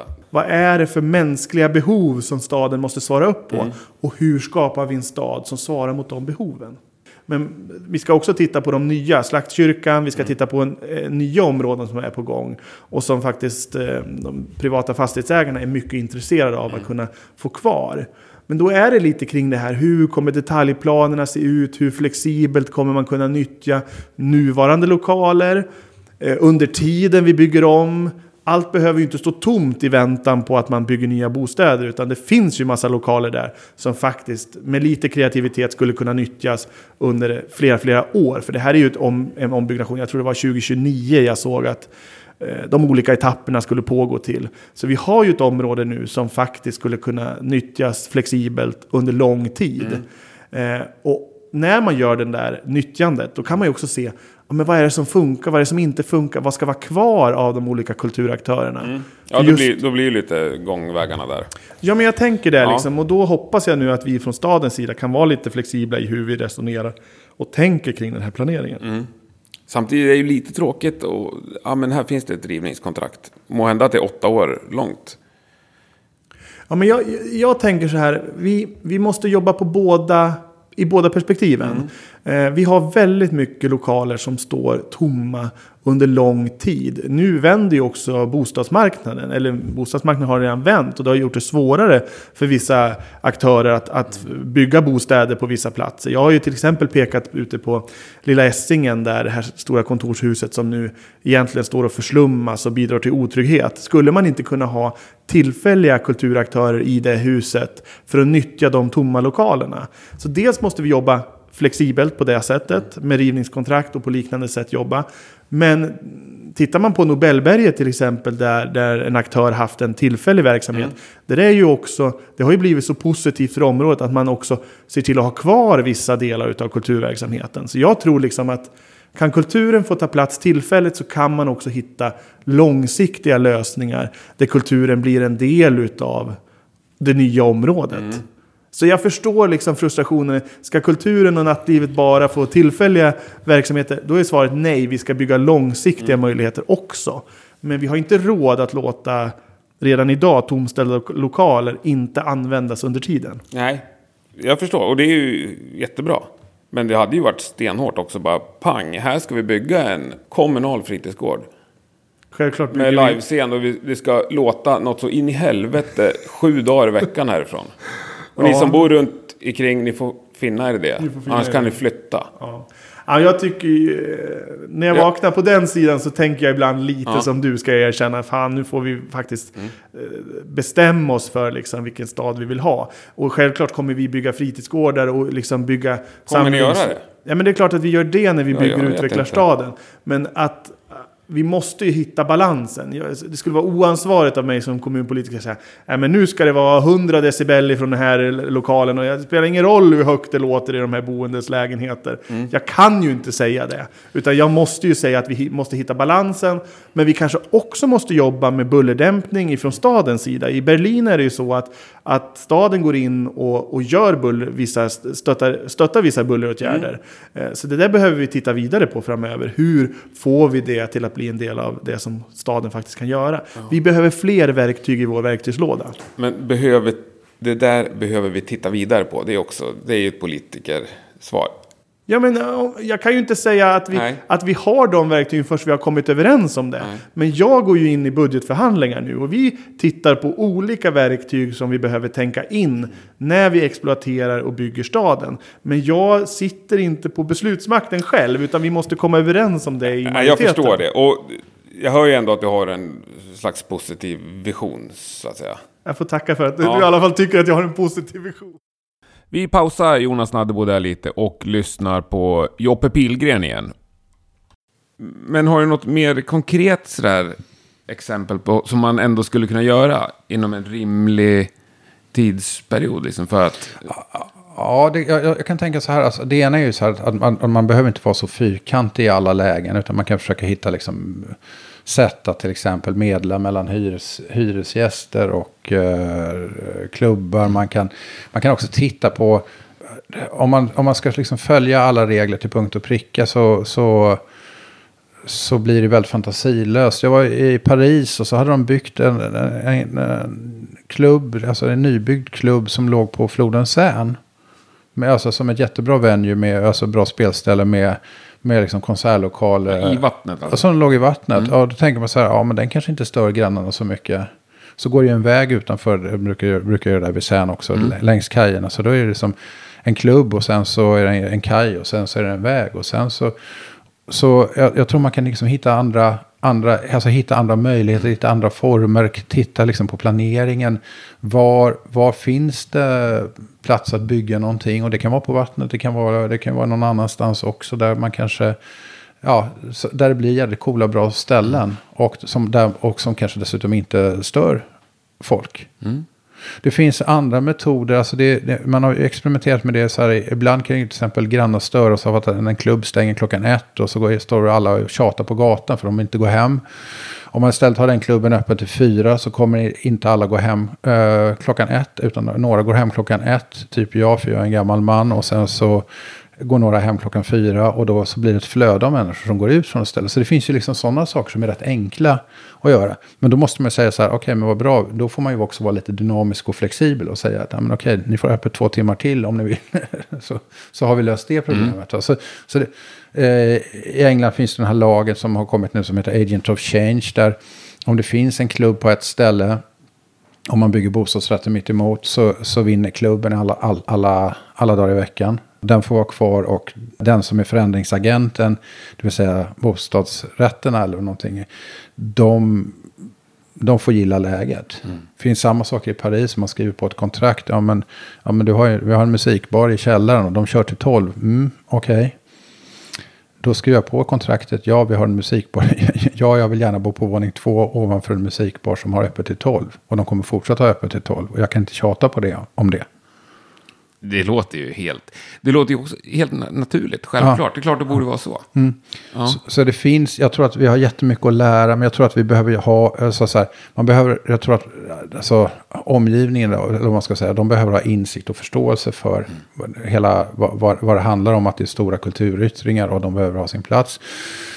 Det är det ena. Och sen så tror jag man behöver faktiskt vara dynamisk och ha fantasi för att kunna lösa sådana här saker. För annars blir det sådär långbänkar, jätte, allting är jättesvårt. Det borde gå att hitta möjligheter på ett lite mera dynamiskt sätt än vad man gör idag. Jag tror nog att många väljare kan förstå behovet och intresset av att ha en attraktiv stad dit människor vill flytta, bo och arbeta i. Och då är ju faktiskt kulturlivet och nattlivet en del utav det.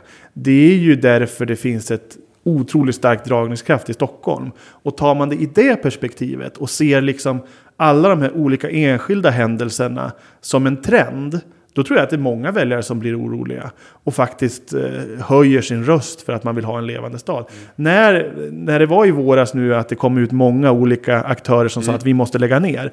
Eh, jag tror att jag fick 300 mejl på en vecka. Så jag tycker att det, och de beskriver just det här. Jag flyttade till Stockholm för att jag vill bo i en storstad där man kan ta del av ett sånt här kulturliv.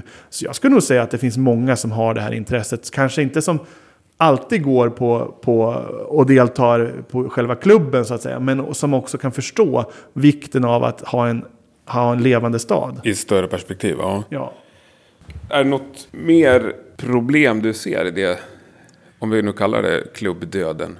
Ja, men alltså dels så i media så framstår det som att det ofta är kommunen som, som verkligen sätter in de här sista dolkstöten. Och det vill jag ändå säga att det är ju sällan som eh, miljöförvaltningen då, som en del av kommunen, mm. är de som verkligen stänger ner eller som gör, gör det omöjligt för klubbarna.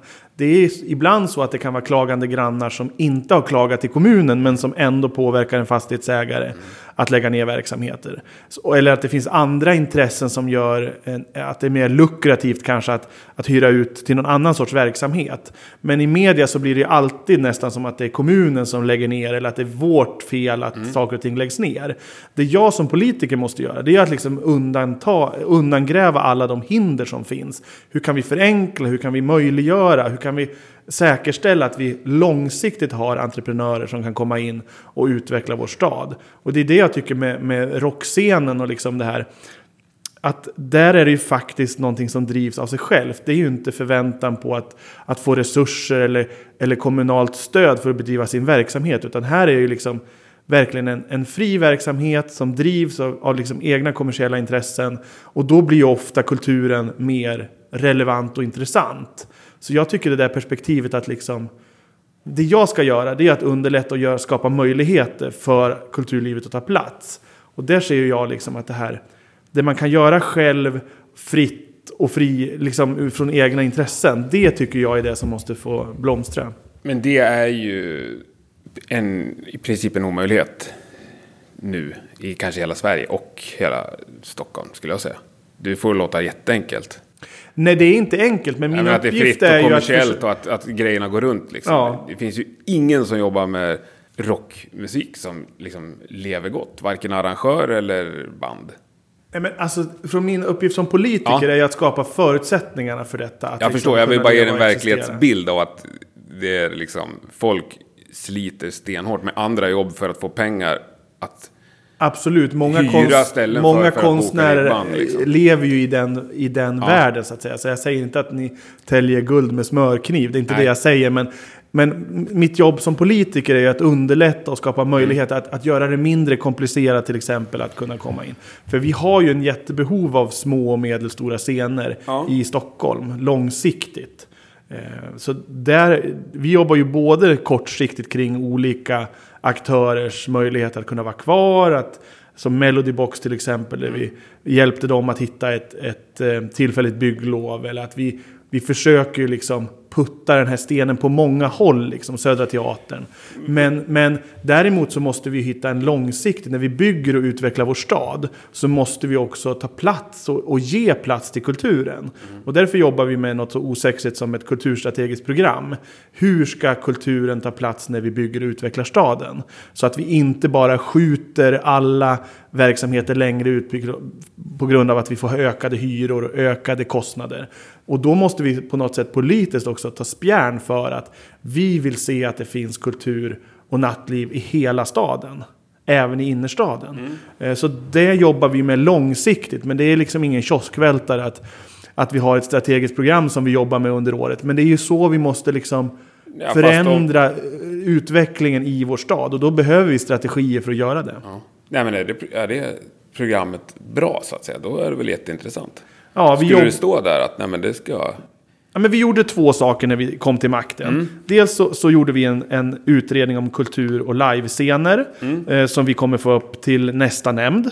Eh, som snart är klar. Som, som kommer liksom visa på nulägesanalysen. Hur ser det ut? Vad har vi för behov framåt? Och då är det ju allt ifrån barnteater till liksom livescener i den utredningen. Men sen tillsatte vi också ett kulturstrategiskt program för att vi bygger ju så otroligt mycket och staden utvecklas. Hur säkerställer vi att kulturen får ta plats i den här staden? Mm. Och när vi kommer fram i det och det som är spännande är att vi jobbar över de olika kommunala stuprören. För det är väldigt ofta olika verksamheter löser sina problem. Ja. Och vi ser ju nu med nattlivet att vi måste jobba. Vi pratar med trafikkontoret kopplat till Debaserstrand. Ja. Vi, vi pratar med olika verksamheter för att säkerställa att kulturen inte liksom försvinner när staden utvecklas. Så jag tror mycket på att den här strategin kommer liksom peka ut att kulturen ska ta, få ta plats långsiktigt i vår stad. Men det är väl långt ifrån säkerställt att Debaserstrand får en ny likvärdig lokal? Ja, det är en lång väg framåt. Men där har vi ändå hittat lösningar att man kan få vara kvar samtidigt som man provtar de här Ja. eh, delar och lokaler och så här. Så, så där har vi Det ändå... är fortfarande ett, ett år till.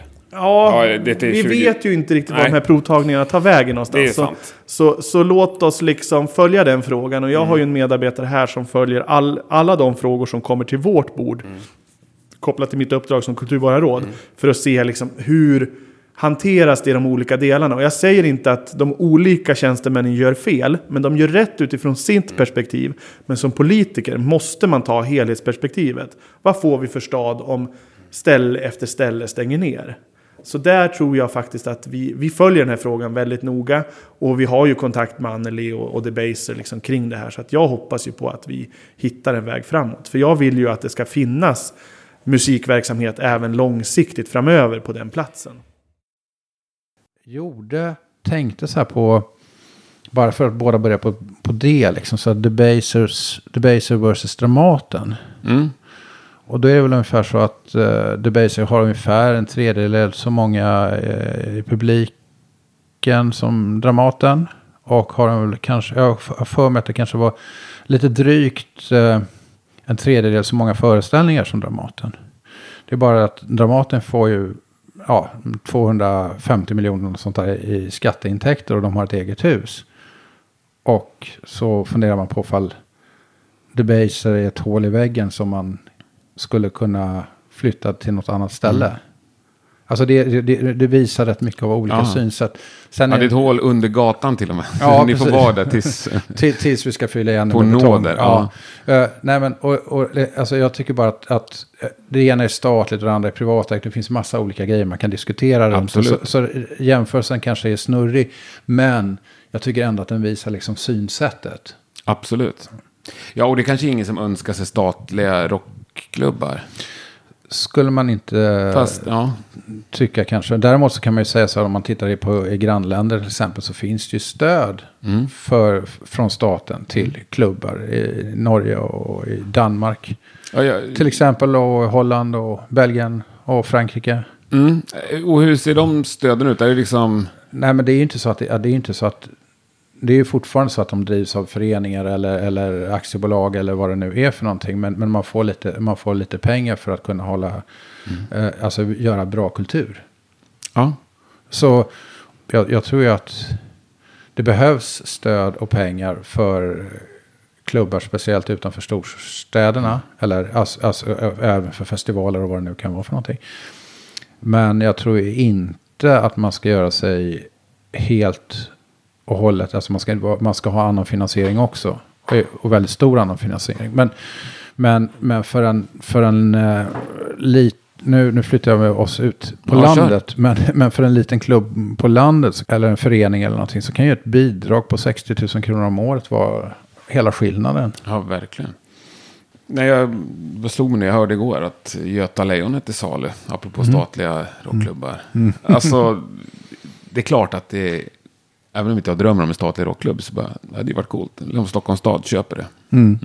Ja, men de skulle, kunna- de skulle kunna köpa det och, och liksom uh, säga så här, vad bra, här får ni hyra in er. Billigt. Kost, ja, det kostar 2000 spänn per kväll. Ja, det tar vi upp som förslag tycker jag. Ja, det är faktiskt en bra idé.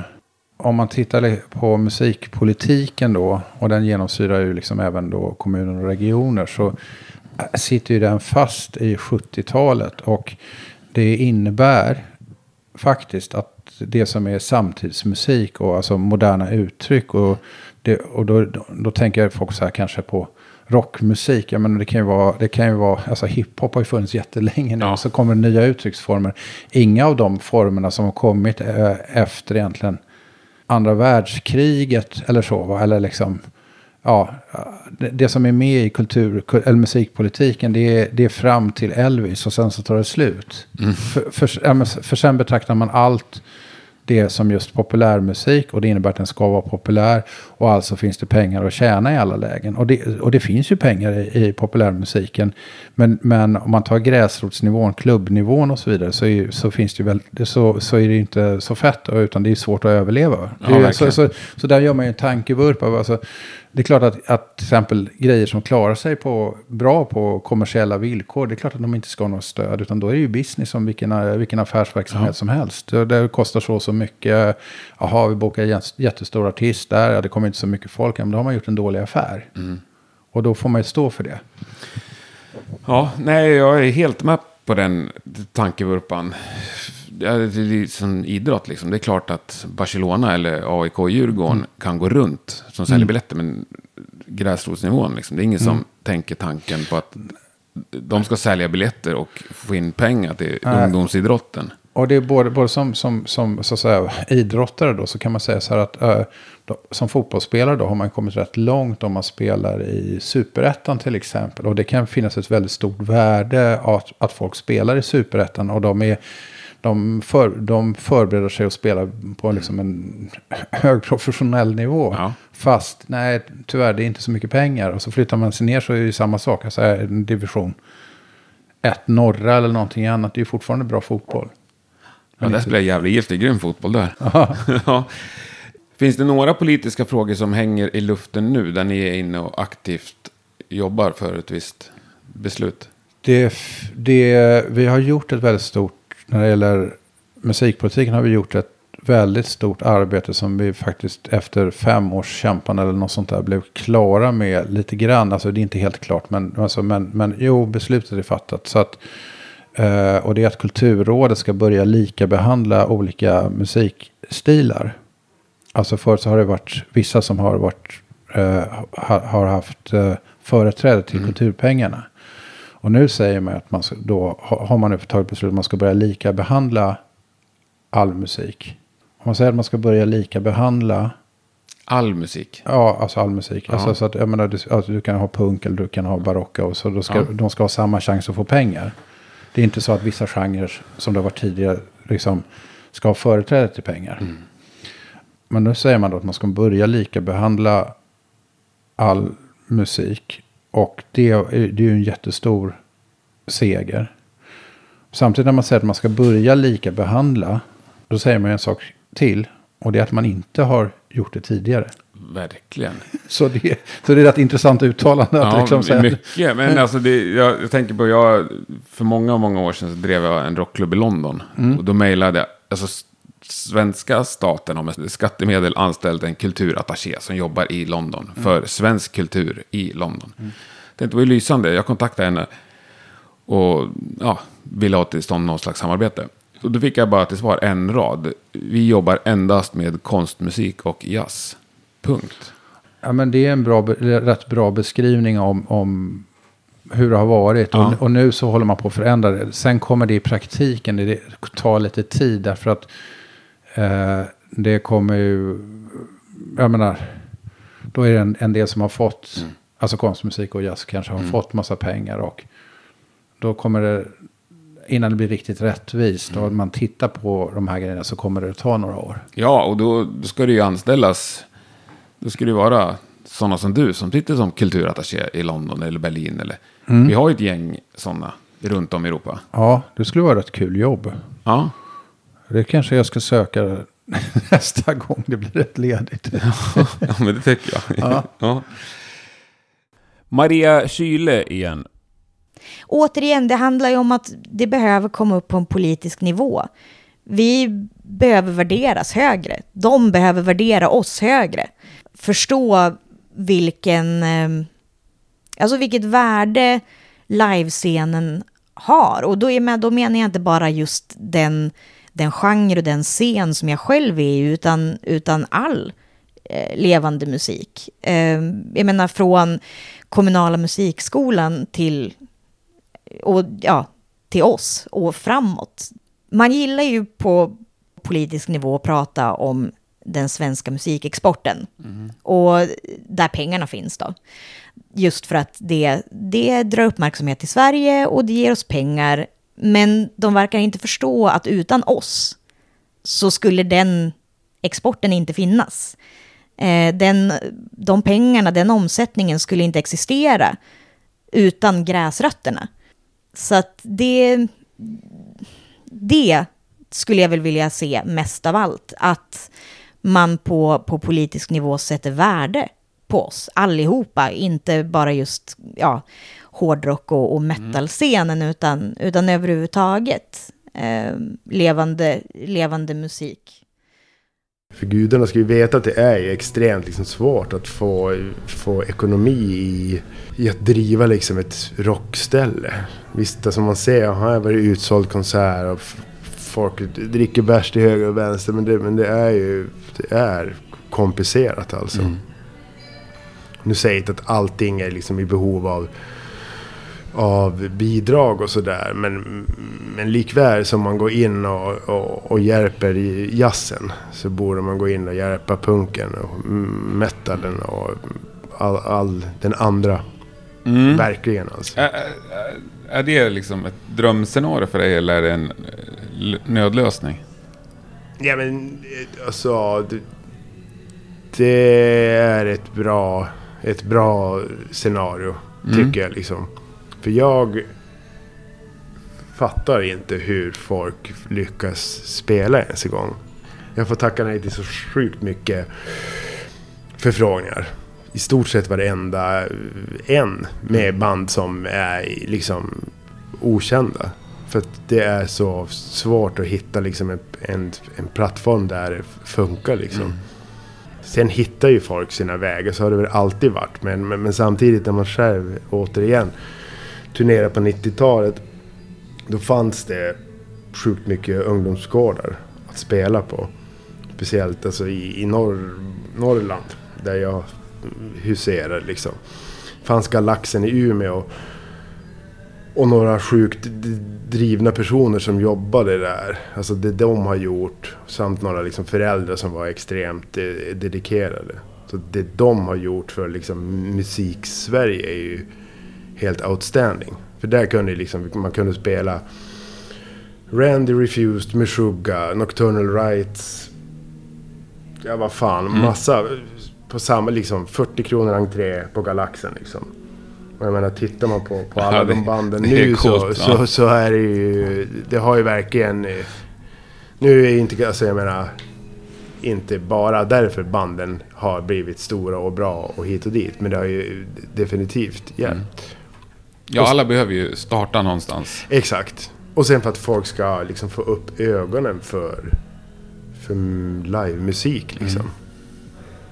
Det, det är också så här, jag menar nu hänger jag kanske inte så mycket med 15-16-åringar men går folk på konserter när man är 15? Jag har ingen aning.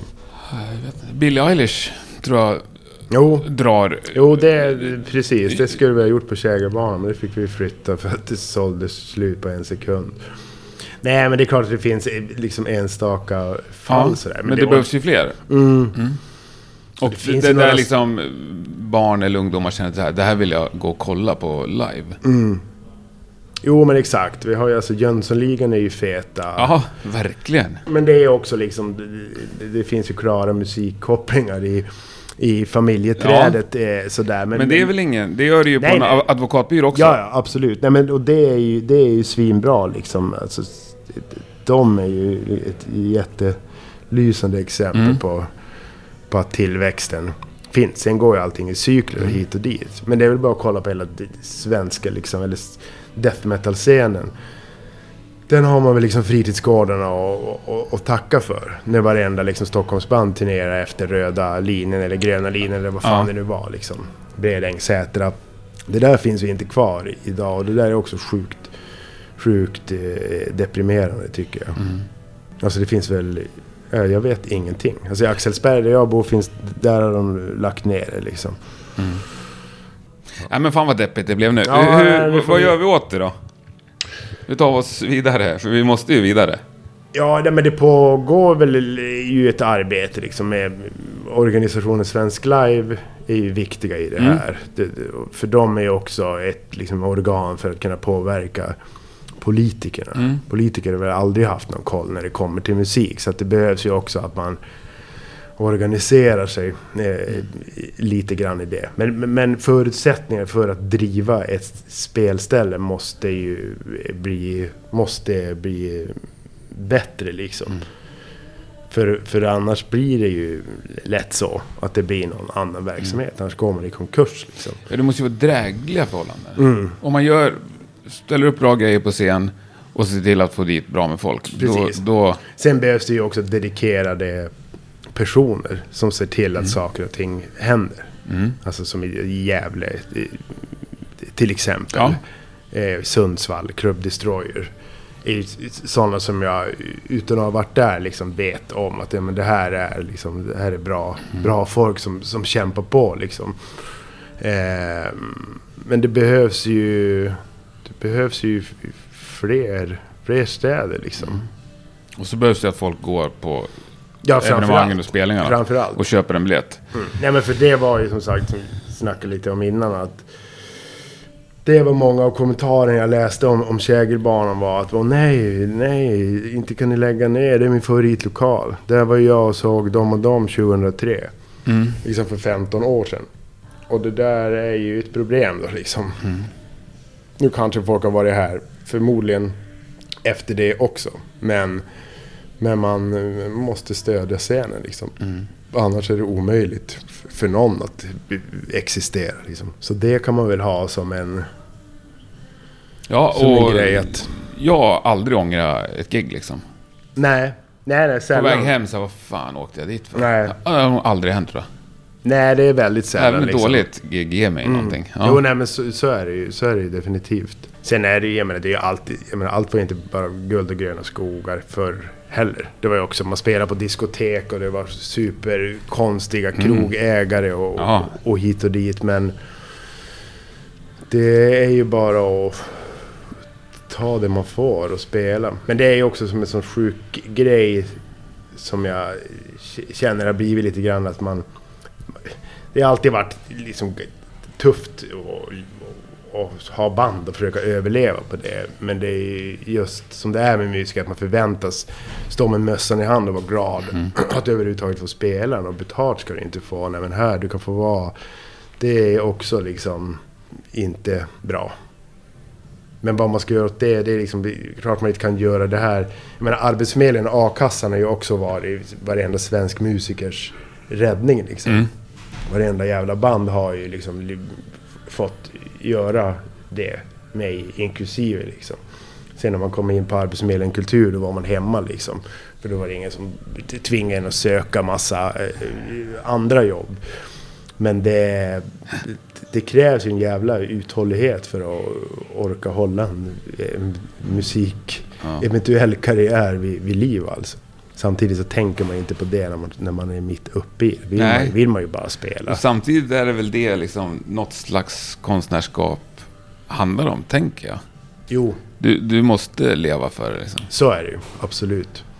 Absolut. Men i fallet här på, på Södra Teatern så har vi också nu i, byggt om då i Södra Bar som numera heter Kristallen. Och där kör vi liveklubbar nu eh, hela året ut.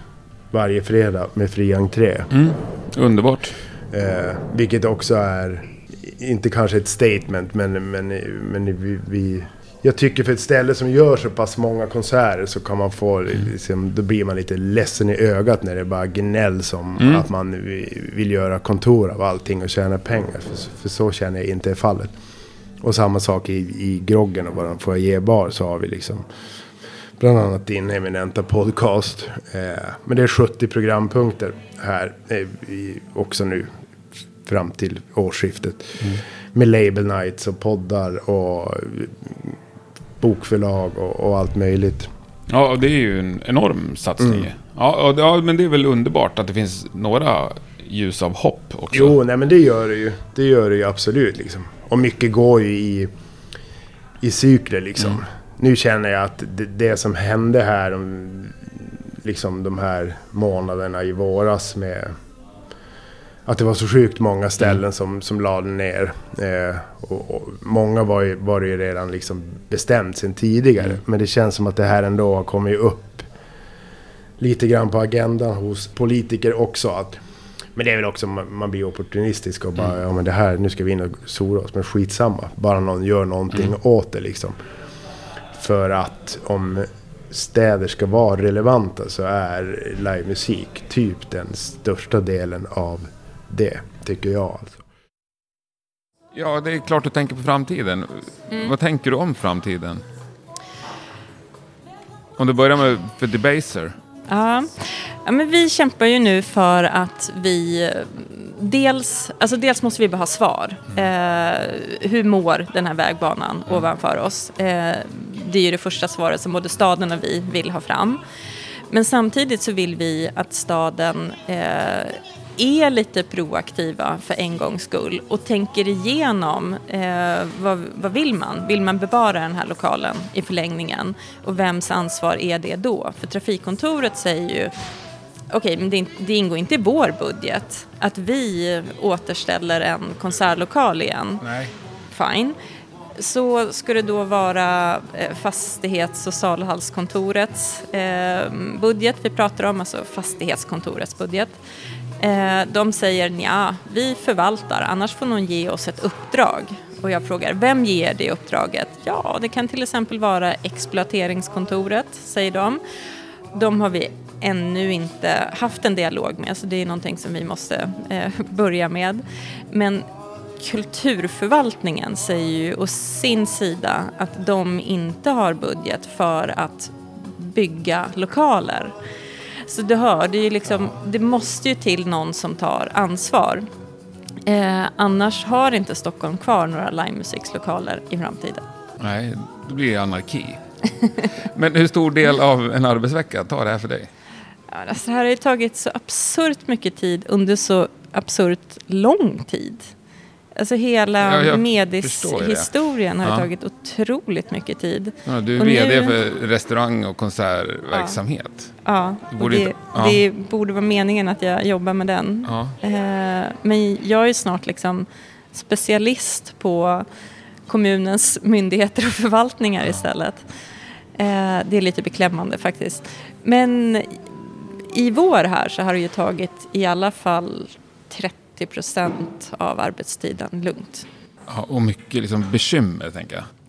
Ja, nu börjar vi vara sinnessjukt härdade. Men om vi inte hade varit det så hade vi nog haft mycket, mycket större eh, lugn och tillförsikt i att det här kommer att lösa sig. För att alla säger att de vill lösa det. Men det sa de med Medis också. Men i din vision, liksom, hur ser Live Stockholm ut om tio år? Eh, jag har jättesvårt att tänka mig att situationen Alltså min vision, det är en sak. Men vad jag tror, jag tror inte att den kommer att vara mycket bättre i så här flertalet lokaler som finns. Eh, alltså att, att det kommer att finnas fler än vad det finns idag, det tror jag inte. Eh, jag tror att vi eh, absolut har risk för att eh, livemusiken puttas ut utanför stan.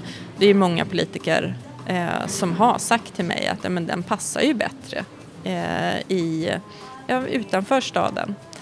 Eh, vilket är väldigt svårt att se. Och jag Namn tror ge. att... Vem säger det? en som har sagt det i eh, press, så det är ingenting som jag behöver namnge. Det är ju faktiskt Valeskog. Valeskog, det är alltså Jan Valeskog, eh, socialdemokrat och tidigare stadsbyggnadsborgarråd i Stockholm. Eh, men när vi tänker på hur det kommer att se ut eh, så tror jag nog att det kommer att finnas liksom fler de här små scenerna där man inte bara har livemusik utan man har hotellbar med livemusik och den sortens scener. De, de tror jag kommer att... De blir ju mer och mer sällsynta också. Jag tror att de kommer att finnas kvar och jag tror att de kommer att vara mer intresserade av det om det är mer kommersiellt gångbart. Och om de, de sedvanliga scenerna försvinner mer så kommer det ju någonstans att behöva vara. Liksom. Eh, under en period när men, alla Debaser-scener fanns och Södran fanns och, och så vidare. Eh, då var det ju faktiskt ganska stor konkurrens om banden och om livemusiken. Eh, och nu har ju det vänt igen. Just nu så, men, så är det ju ett underskott på livescener igen. Ja, och för mig som konsument är ju konkurrens det absolut bästa. Mm, mm. Det är helt underbart. Ja, absolut. Sen ska det ju inte vara större än att ställena överlever. Självklart inte. Eh, men absolut. Jag tror verkligen inte att det kommer att komma fram kulturentreprenörer som vi kom fram på tidigt 2000-tal och satsa på att bygga om lokaler till att bli livemusikslokaler eh, på det sätt som vi gjorde. Därför att det är så otroligt kapitaltungt idag. Det är jättedyrt. Eh, både med All teknik är väldigt dyr idag. Eh, det är också väldigt dyrt att bygga i Stockholm. Eh, ju, de kostnaderna har ju skenat. Eh, och eh, man behöver väldigt mycket för att kunna ha många samlade i en scen. Man måste ha fantastiskt ventilationssystem. Eh, man måste ha eh, brandsystem, man ska ha säkerhet åt alla Ja. håll och kanter såklart. Eh, utöver den här eminenta tekniken och så måste man ju ha ljudisolering och så måste man bygga lokalen så att den låter bra, lokalen i, i sig för gästerna ja. akustiskt. Och alla de här, ehm, utöver att om du ska servera alkohol och mat så måste du ju dessutom ha kök och du måste ha barer och allt vad det innebär. Och, och du måste ha många toaletter. det, är- det är jättemycket som kostar mycket att starta de här ställena. Eh, och så lukrativ är inte vår verksamhet. Det är, liksom, det är inte så att du gör det här för pengar. Eh, den, du kan få den att fungera och, eh, och så, absolut. Men det är liksom inte som att eh, du får inte in investerare som investerar i vår bransch för att det har så himla god utveckling. Så är det inte vår bransch. Och när du har det, de här eh, förutsättningarna så kräver det i så fall att du har en kulturentreprenör som har alla pengar själv. Bara Ja, och chansa med ja, ja, och är intresserad Mm. eh, och vill göra det. Ja. Redan på vår tid så krävdes det jättemycket risktagande. Eh, men det var ändå på lägre nivåer än vad du måste riska idag. Och lokalerna finns ju inte. Det är inte så att de står tomma Nej. här runt omkring utan man måste ju eh, bygga dem i så fall. Och det är många som pratar om att ja men eh, i och med att eh, vi har den här stora butiksdöden så kommer det ju att frigöras ytor till livemusik. Ja, ytor kanske det kan frigöras, men det är väldigt exceptionella lokaler som funkar som livemusikslokaler. Just det här med ljudisolering är ju en superviktig grej. Men sen så har också banden de som reser, turnerar, eh, de har sådana tekniska specer idag som gör att du bör ha väldigt högt i tak. Vi har till exempel på Debaser strand alldeles för lågt i tak, vilket ger problem att vi kan inte ta alla produktioner som kommer eh, på turné därför att vi eh, inte låg fixar, ja. ja, vi fixar inte kraven på den teknik som de vill ha in helt enkelt. Det finns massor med förutsättningar som de här lokalerna ska eh, uppnå. Och det är inte så att du bara kan liksom ta över en, jag vet inte, hm butikslokal för att den blev tom och så kör du. Nej, det är inte det är lite läget, mer liksom. emellan. Ja. Jag förstår det. Eh, eh, Men det här med publiktillströmning och det som du Mm. snackade om, det det är inte en lukrativ bransch på det sättet. Alltså jag säger inte att den inte... Vi går runt. Vi Ja. har alltid lyckats göra vinster över tid. Men det är inte, om, om du vill ha investerare, då måste du ju konsekvent kunna ligga på eh, 10% i vinst. Eh, för att de alls ska investera. Och så säker är inte vår värld. Nej. Kan du där, alltså om publiktillströmningen var större, om det var säkrare, om det var mer folk på alla spelningar, Mm. skulle läget se annorlunda ut då tror du? Ja, det tror jag. Så nu vill jag delvis. egentligen inte lägga liksom, tillbaka ansvaret på publiken. Mm. Men ändå, det är som rockmusik om vi kallar det så, eller livemusik, är ju en i många avseenden liksom utdöende konstform känns det som ibland. Ja, uh, men uh, absolut. Om, överallt där det finns mer pengar uh, så finns det ju fler investerare. Mm. och fanns det fler investerare så skulle, som ville investera i livemusiken så skulle det ju vara bra för livemusikscenen, absolut. Ja, bra. Jag, jag vill ha det där tydligt. Att, menar, alltså, livet skulle vara enklare för livescenen om fler folk gick på fler ja, spelningar. Ja, det skulle det. Ja, bra. Nej, men... Alltså jag tycker inte att ansvaret ligger där och jag, alltså hur mycket är varje biljett på Operan liksom sponsrad med från skattemedel? Det är ju hysteriska summor. Ja, det sägs så. Och jag vet inte om rockmusiken är egentligen intresserad av att vara sponsrad av Jo, men stora delar eh, av eh, livemusiksvärlden eftersöker ju mm. det här, absolut. Eh, där eh, ja, men man anser att eh, vår kulturyttring också behöver stöd. Eh, och absolut, det är ju sant. Men Samtidigt är ju det sorgligt. Men i, till stor del så tycker jag att eh, pop och rockscenen är en kulturyttring som har stor möjlighet att stå på egna ben. Mm. Om den bara tillåts existera i lokaler som eh, liksom inte är placerade två mil utanför stan. Då kanske den har svårt. Men under de här, nu har vi drivit Debaser i 17 år och eh, vi, jag vet inte hur många tusen konserter vi har gjort under den här tiden. Och vi har ju gjort det med vinst. Och vi har haft, fram tills i fjol har vi inte haft några bidrag alls.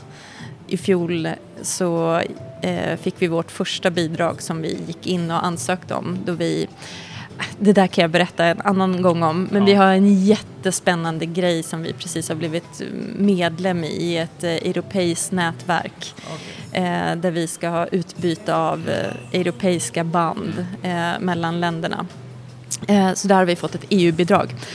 Men in, fram tills dess så vi har ju klarat oss utan Bra jobbat. bidrag. Men det är ju inte alltid läget för banden.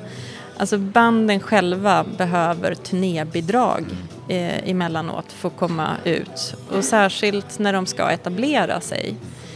Så jag säger inte att ingen inom pop och rock behöver bidrag. Men arrangörer som vi själva, vi kan stå på egna ben i ganska stor utsträckning om vi bara tillåts att liksom existera i staden i lokaler som är hyrbara. Ja, jag tycker det låter jättebra. Det är perfekta ja, alltså... visdomsord för alla inblandade tycker jag. ja, det är bra. Men eh, jag ser det som att eh, staden har ju lokaler som man har eh, idrottshallar, eh, man har simhallar, eh, man har bibliotek och det finns ju en rad med saker som man ser till att det här ingår i stadens utbud. Det ska finnas för våra invånare. Och där tycker jag att livemusikslokaler ska finnas. Det ska gå att hyra en livemusikslokal till ett pris där du kan överleva på verksamheten du, du kanske inte kan liksom ta maxhyror eh, för de här lokalerna. Men i övrigt så är det här en bransch som kan klara sig. Härligt, med någon som andas lite optimism. Ja, nej men jättebra. Ja, bra. Jag är inte ja. så säker på att pop och rockvärlden är så glad för att jag säger det. Men... Fast det borde den vara tycker jag. Mm. Annars får man ju tappa självkänslan helt. Om man bara tänker att nej, men vi ska gå på kulturbidrag. Ja, det är så vi tror... ska överleva. Då är det ju helt... Ja. Ah. Jag tror inte att det är många som tänker så heller, men eh, det är absolut många som tycker att vi är en misshandlad eh, konstform som borde också få lite mer hjälp. Ja, nej, men jag mm. tycker mm. kulturmärkta lokaler mm. Låter som en ypperlig idé. Mm. Mm. Och så en naturlig följd av det, det måste ju bli att alla lägenheter runt omkring blir liksom kultur minusmärkta. så de vet att här är det, nu bor du. Ja. Du kan liksom inte gå och skryta med att ja, jag köpte en lägenhet precis bredvid Mosebacke Mm. och sen två år Klaga senare på klaga på att det låter. Mm. Det är ju... Nej, ja. ja. Men du som har koll på hela landet. Har vi Mm. någon kommun som föregår med gott exempel? Ja, men det finns, eh, i, I Region Dalarna så finns det någonting som heter Dalapop. Ja. Och de är ute och stöttar både alltså, musiker och alltså, artister. Och hjälper till med små stöd och sånt där. Jobbar också väldigt dynamiskt men också jobbar med livemusiken. I Skåne så har vi, vad ska man säga, en, en, ett nätverk som heter Skånsk Live som vi kopplar till oss. Som har fått pengar av regionen. Just för att liksom, skicka ut, alltså dels för att hålla ihop det gänget. ja. Så att de lär sig av varandra och blir kompisar och kan hjälpas åt och sådär. Och ja, utbilda och vad, vad vi nu gör. Men, men, men också att, vi, att det finns pengar att dela ut. Och då är det liksom rätt lite pengar. Men om man får 50 000 spänn och är en, en kulturverksamhet någonstans på landsbygden i Skåne så är det helt, helt avgörande. ja. Så det gör vi där. Och i Västra Götaland så håller vi på med förstudie.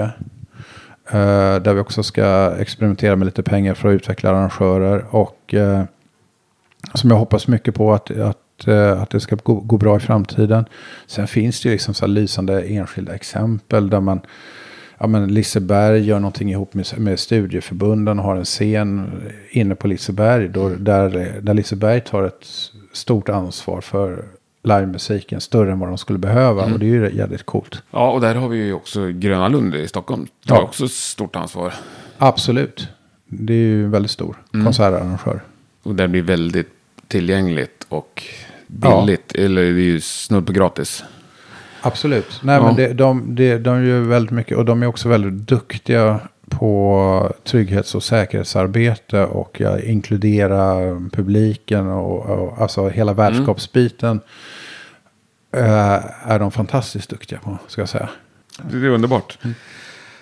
Men du snackade om fem år, 20 nya klubbar. Är, är det din vision liksom? Eller är det så att du skrattar åt det?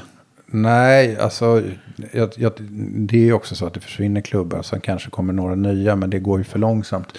Eh, jag tänker att vad vi behöver göra, bygga i hela Sverige och där är Stockholm en viktig del förstås. Det är ju att vi bygger en infrastruktur av musikställen. Så att det går att turnera för både svenska och utländska band eller artister. Eh, och då är ju klart Stockholm en viktig motor för det. Och också om de här arrangörerna som finns på de här ställena jobbar tillsammans och lär känna varandra så kommer, det, så kommer de också kunna hjälpa med varandra med så här, men jag kommer boka dem, okej men då kan ni ta dem till, till, till Gävle på Ja. lördagen. Eller något sånt va. Ja. Så, så min dröm är att vi får till en, en, en riktigt bra infrastruktur av både då ställen och människor skulle jag säga. Det, det, det vad jag Mm. Jobbar för. Och då får man jobba med massa olika sätt. Man får prata med politiker. Man får, man får, det ser lite annorlunda ut i Stockholm än vad det på liksom, utanför storstäderna. Eh, och så vidare. Men, men eh, dit ska vi. Klart du ska. Har du ett medskick till lyssnaren? Visdomsord? För att få lite rätsida på den här live-scenen. Mina, visdom, mina enda visdomsord är nog att stötta livescenen. Stötta musiken på alla sätt du kan. Stötta banden, köp skivor, köp merch på spelningarna. Stötta klubbarna, betala inträde, gå på livespelningar. Tänk inte att 200 spänn är för dyrt. För det är det inte.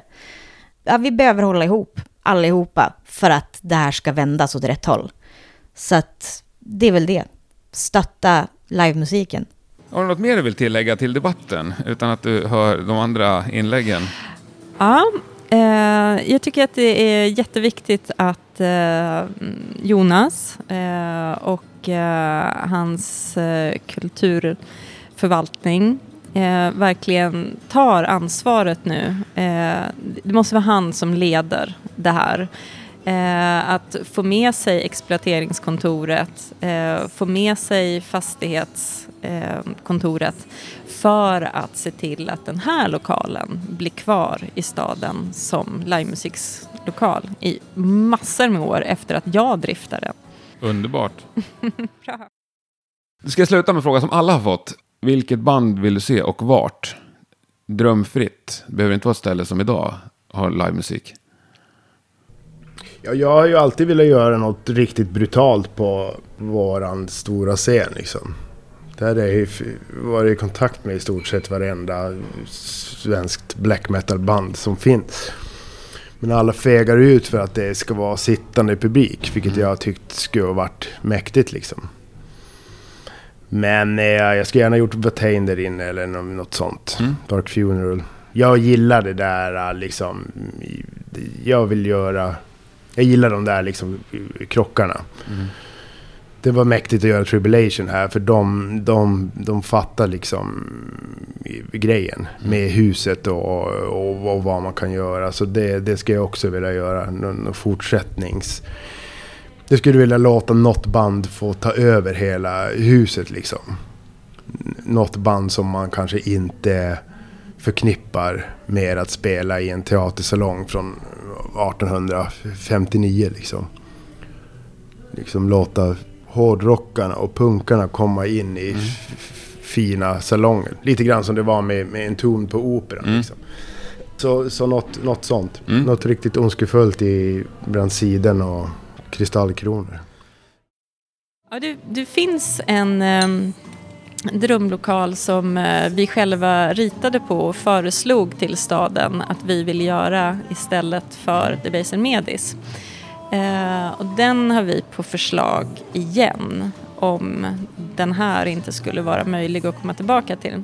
Men den tänker jag inte ge till någon annan. oh, nej, just det, det är konkurrensgrejen.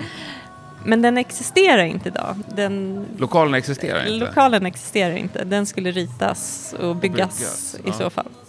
På ett ställe innanför tullarna. Gud vad spännande. Och det är görbart, eh, antar jag. Annars ja, skulle ni inte rita på det. Det är ja. görbart. Absolut. Alltså jag gillar ju Slaktkyrkan. Det är en jäkla fin lokal. Um, men där har vi ju faktiskt haft bokningar. Så drömlokalen, då skulle jag nog säga Stora Nalen. Um, för den, där är det så otroligt vackert. Det är det. Det är um, riktigt coolt. Ja. ja, det är en så himla häftig lokal. Och jag menar historien där, är ju bara det är ju så himla häftigt. Band... Yes, om jag inte redan för några veckor sedan hade haft Earthless skulle jag ha sagt Earthless. för det var faktiskt en drömbokning. Men... Um, det, för folk i min scen blir det nästan tråkigt, men jag menar Sleep. Mm, nej, det, det, jag menar, det, det, skulle ju inte vara fel. Nej, de kommer och, snart. Ja, i oh, november tror jag. Mm, eh, oktober, november. Ja, Münchenbryggeriet. Dit ska jag. Jag satt på låset och köpte biljett. Härligt. Bra mm. du betalar yep. för det. Ja. Yes, självklart. Men du, du, du får avsluta eh, din mandatperiod med att se en drömartist i en drömlokal i Stockholm. Hur skulle det se ut? Jag tycker det är spännande med de här banden som tar upp gamla referenser. Alltså mina kompisar brukar säga att jag är född på 40-talet. Min mm. musiksmak är inte riktigt kanske i rockpoddens närmaste. Men alltså som Mando Diao till exempel med, med, hem, med Strövtåg i hembygden mm. och liksom Gustaf Fröding eller liksom Kent som lyfter olika, liksom eh, har lyft sådana saker. Det tycker jag skulle vara häftigt att se liksom att Eh, liksom det där att man liksom kan bygga på någonting mm. som kanske ligger mig nära om hjärtat men som ändå finns i liksom en rock och en, liksom en livescenskontext. Ja men det är en bra kombo. Men vi, du ska ha en lokal också. Gärna där det inte är kultur idag. Ja men det, absolut, det behöver vi verkligen. Och jag ser ju ett slakthusområde som verkligen är på gång att liksom ja. leverera fler livescener. Både stora, små och medelstora. Det behövs för Stockholm ska kunna utvecklas. Då ses vi där på Mando Diao 20, ja, 2022. Det hoppas jag verkligen. Stort tack Jonas. Mycket tack för trevligt. att jag fick vara med. Ja, tack.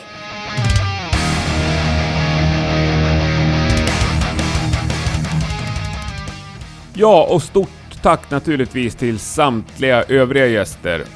Anneli, Fredde, Maria och Joppe. Jag vet inte vad jag ska säga mer om det här avsnittet. Eh, det är nästan så jag känner för att lämna det som det är, okommenterat. så kan vi väl föra vidare diskussion på valfritt ställe. Gärna högljutt och där många ser och hör. Självklart får du ju inkomma med en kommentar på Rockpoddens Facebook eller mejla mig på henke.rockpodden.se om du känner.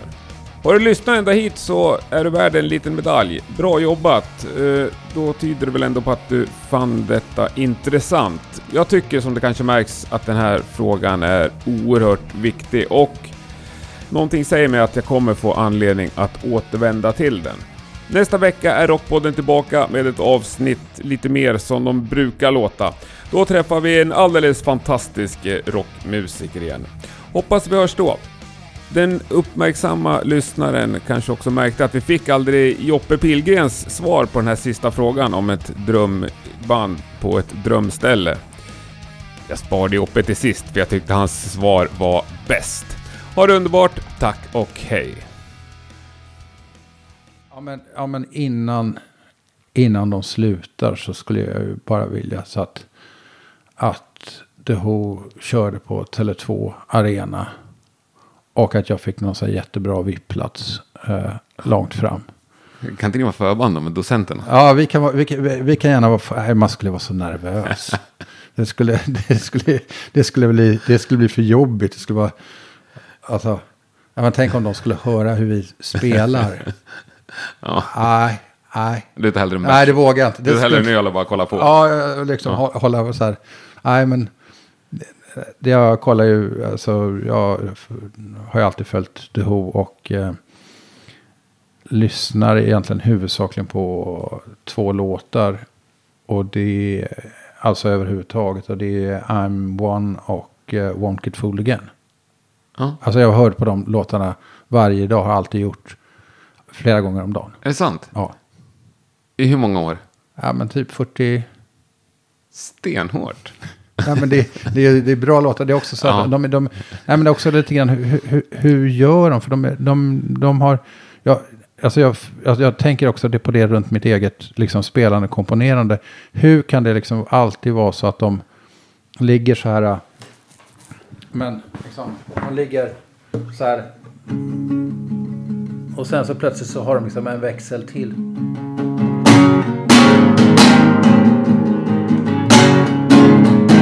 Så går de ner.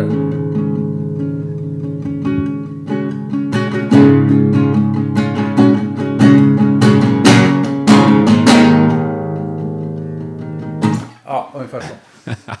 Underbart, tack. Ja, perfekt avslutning.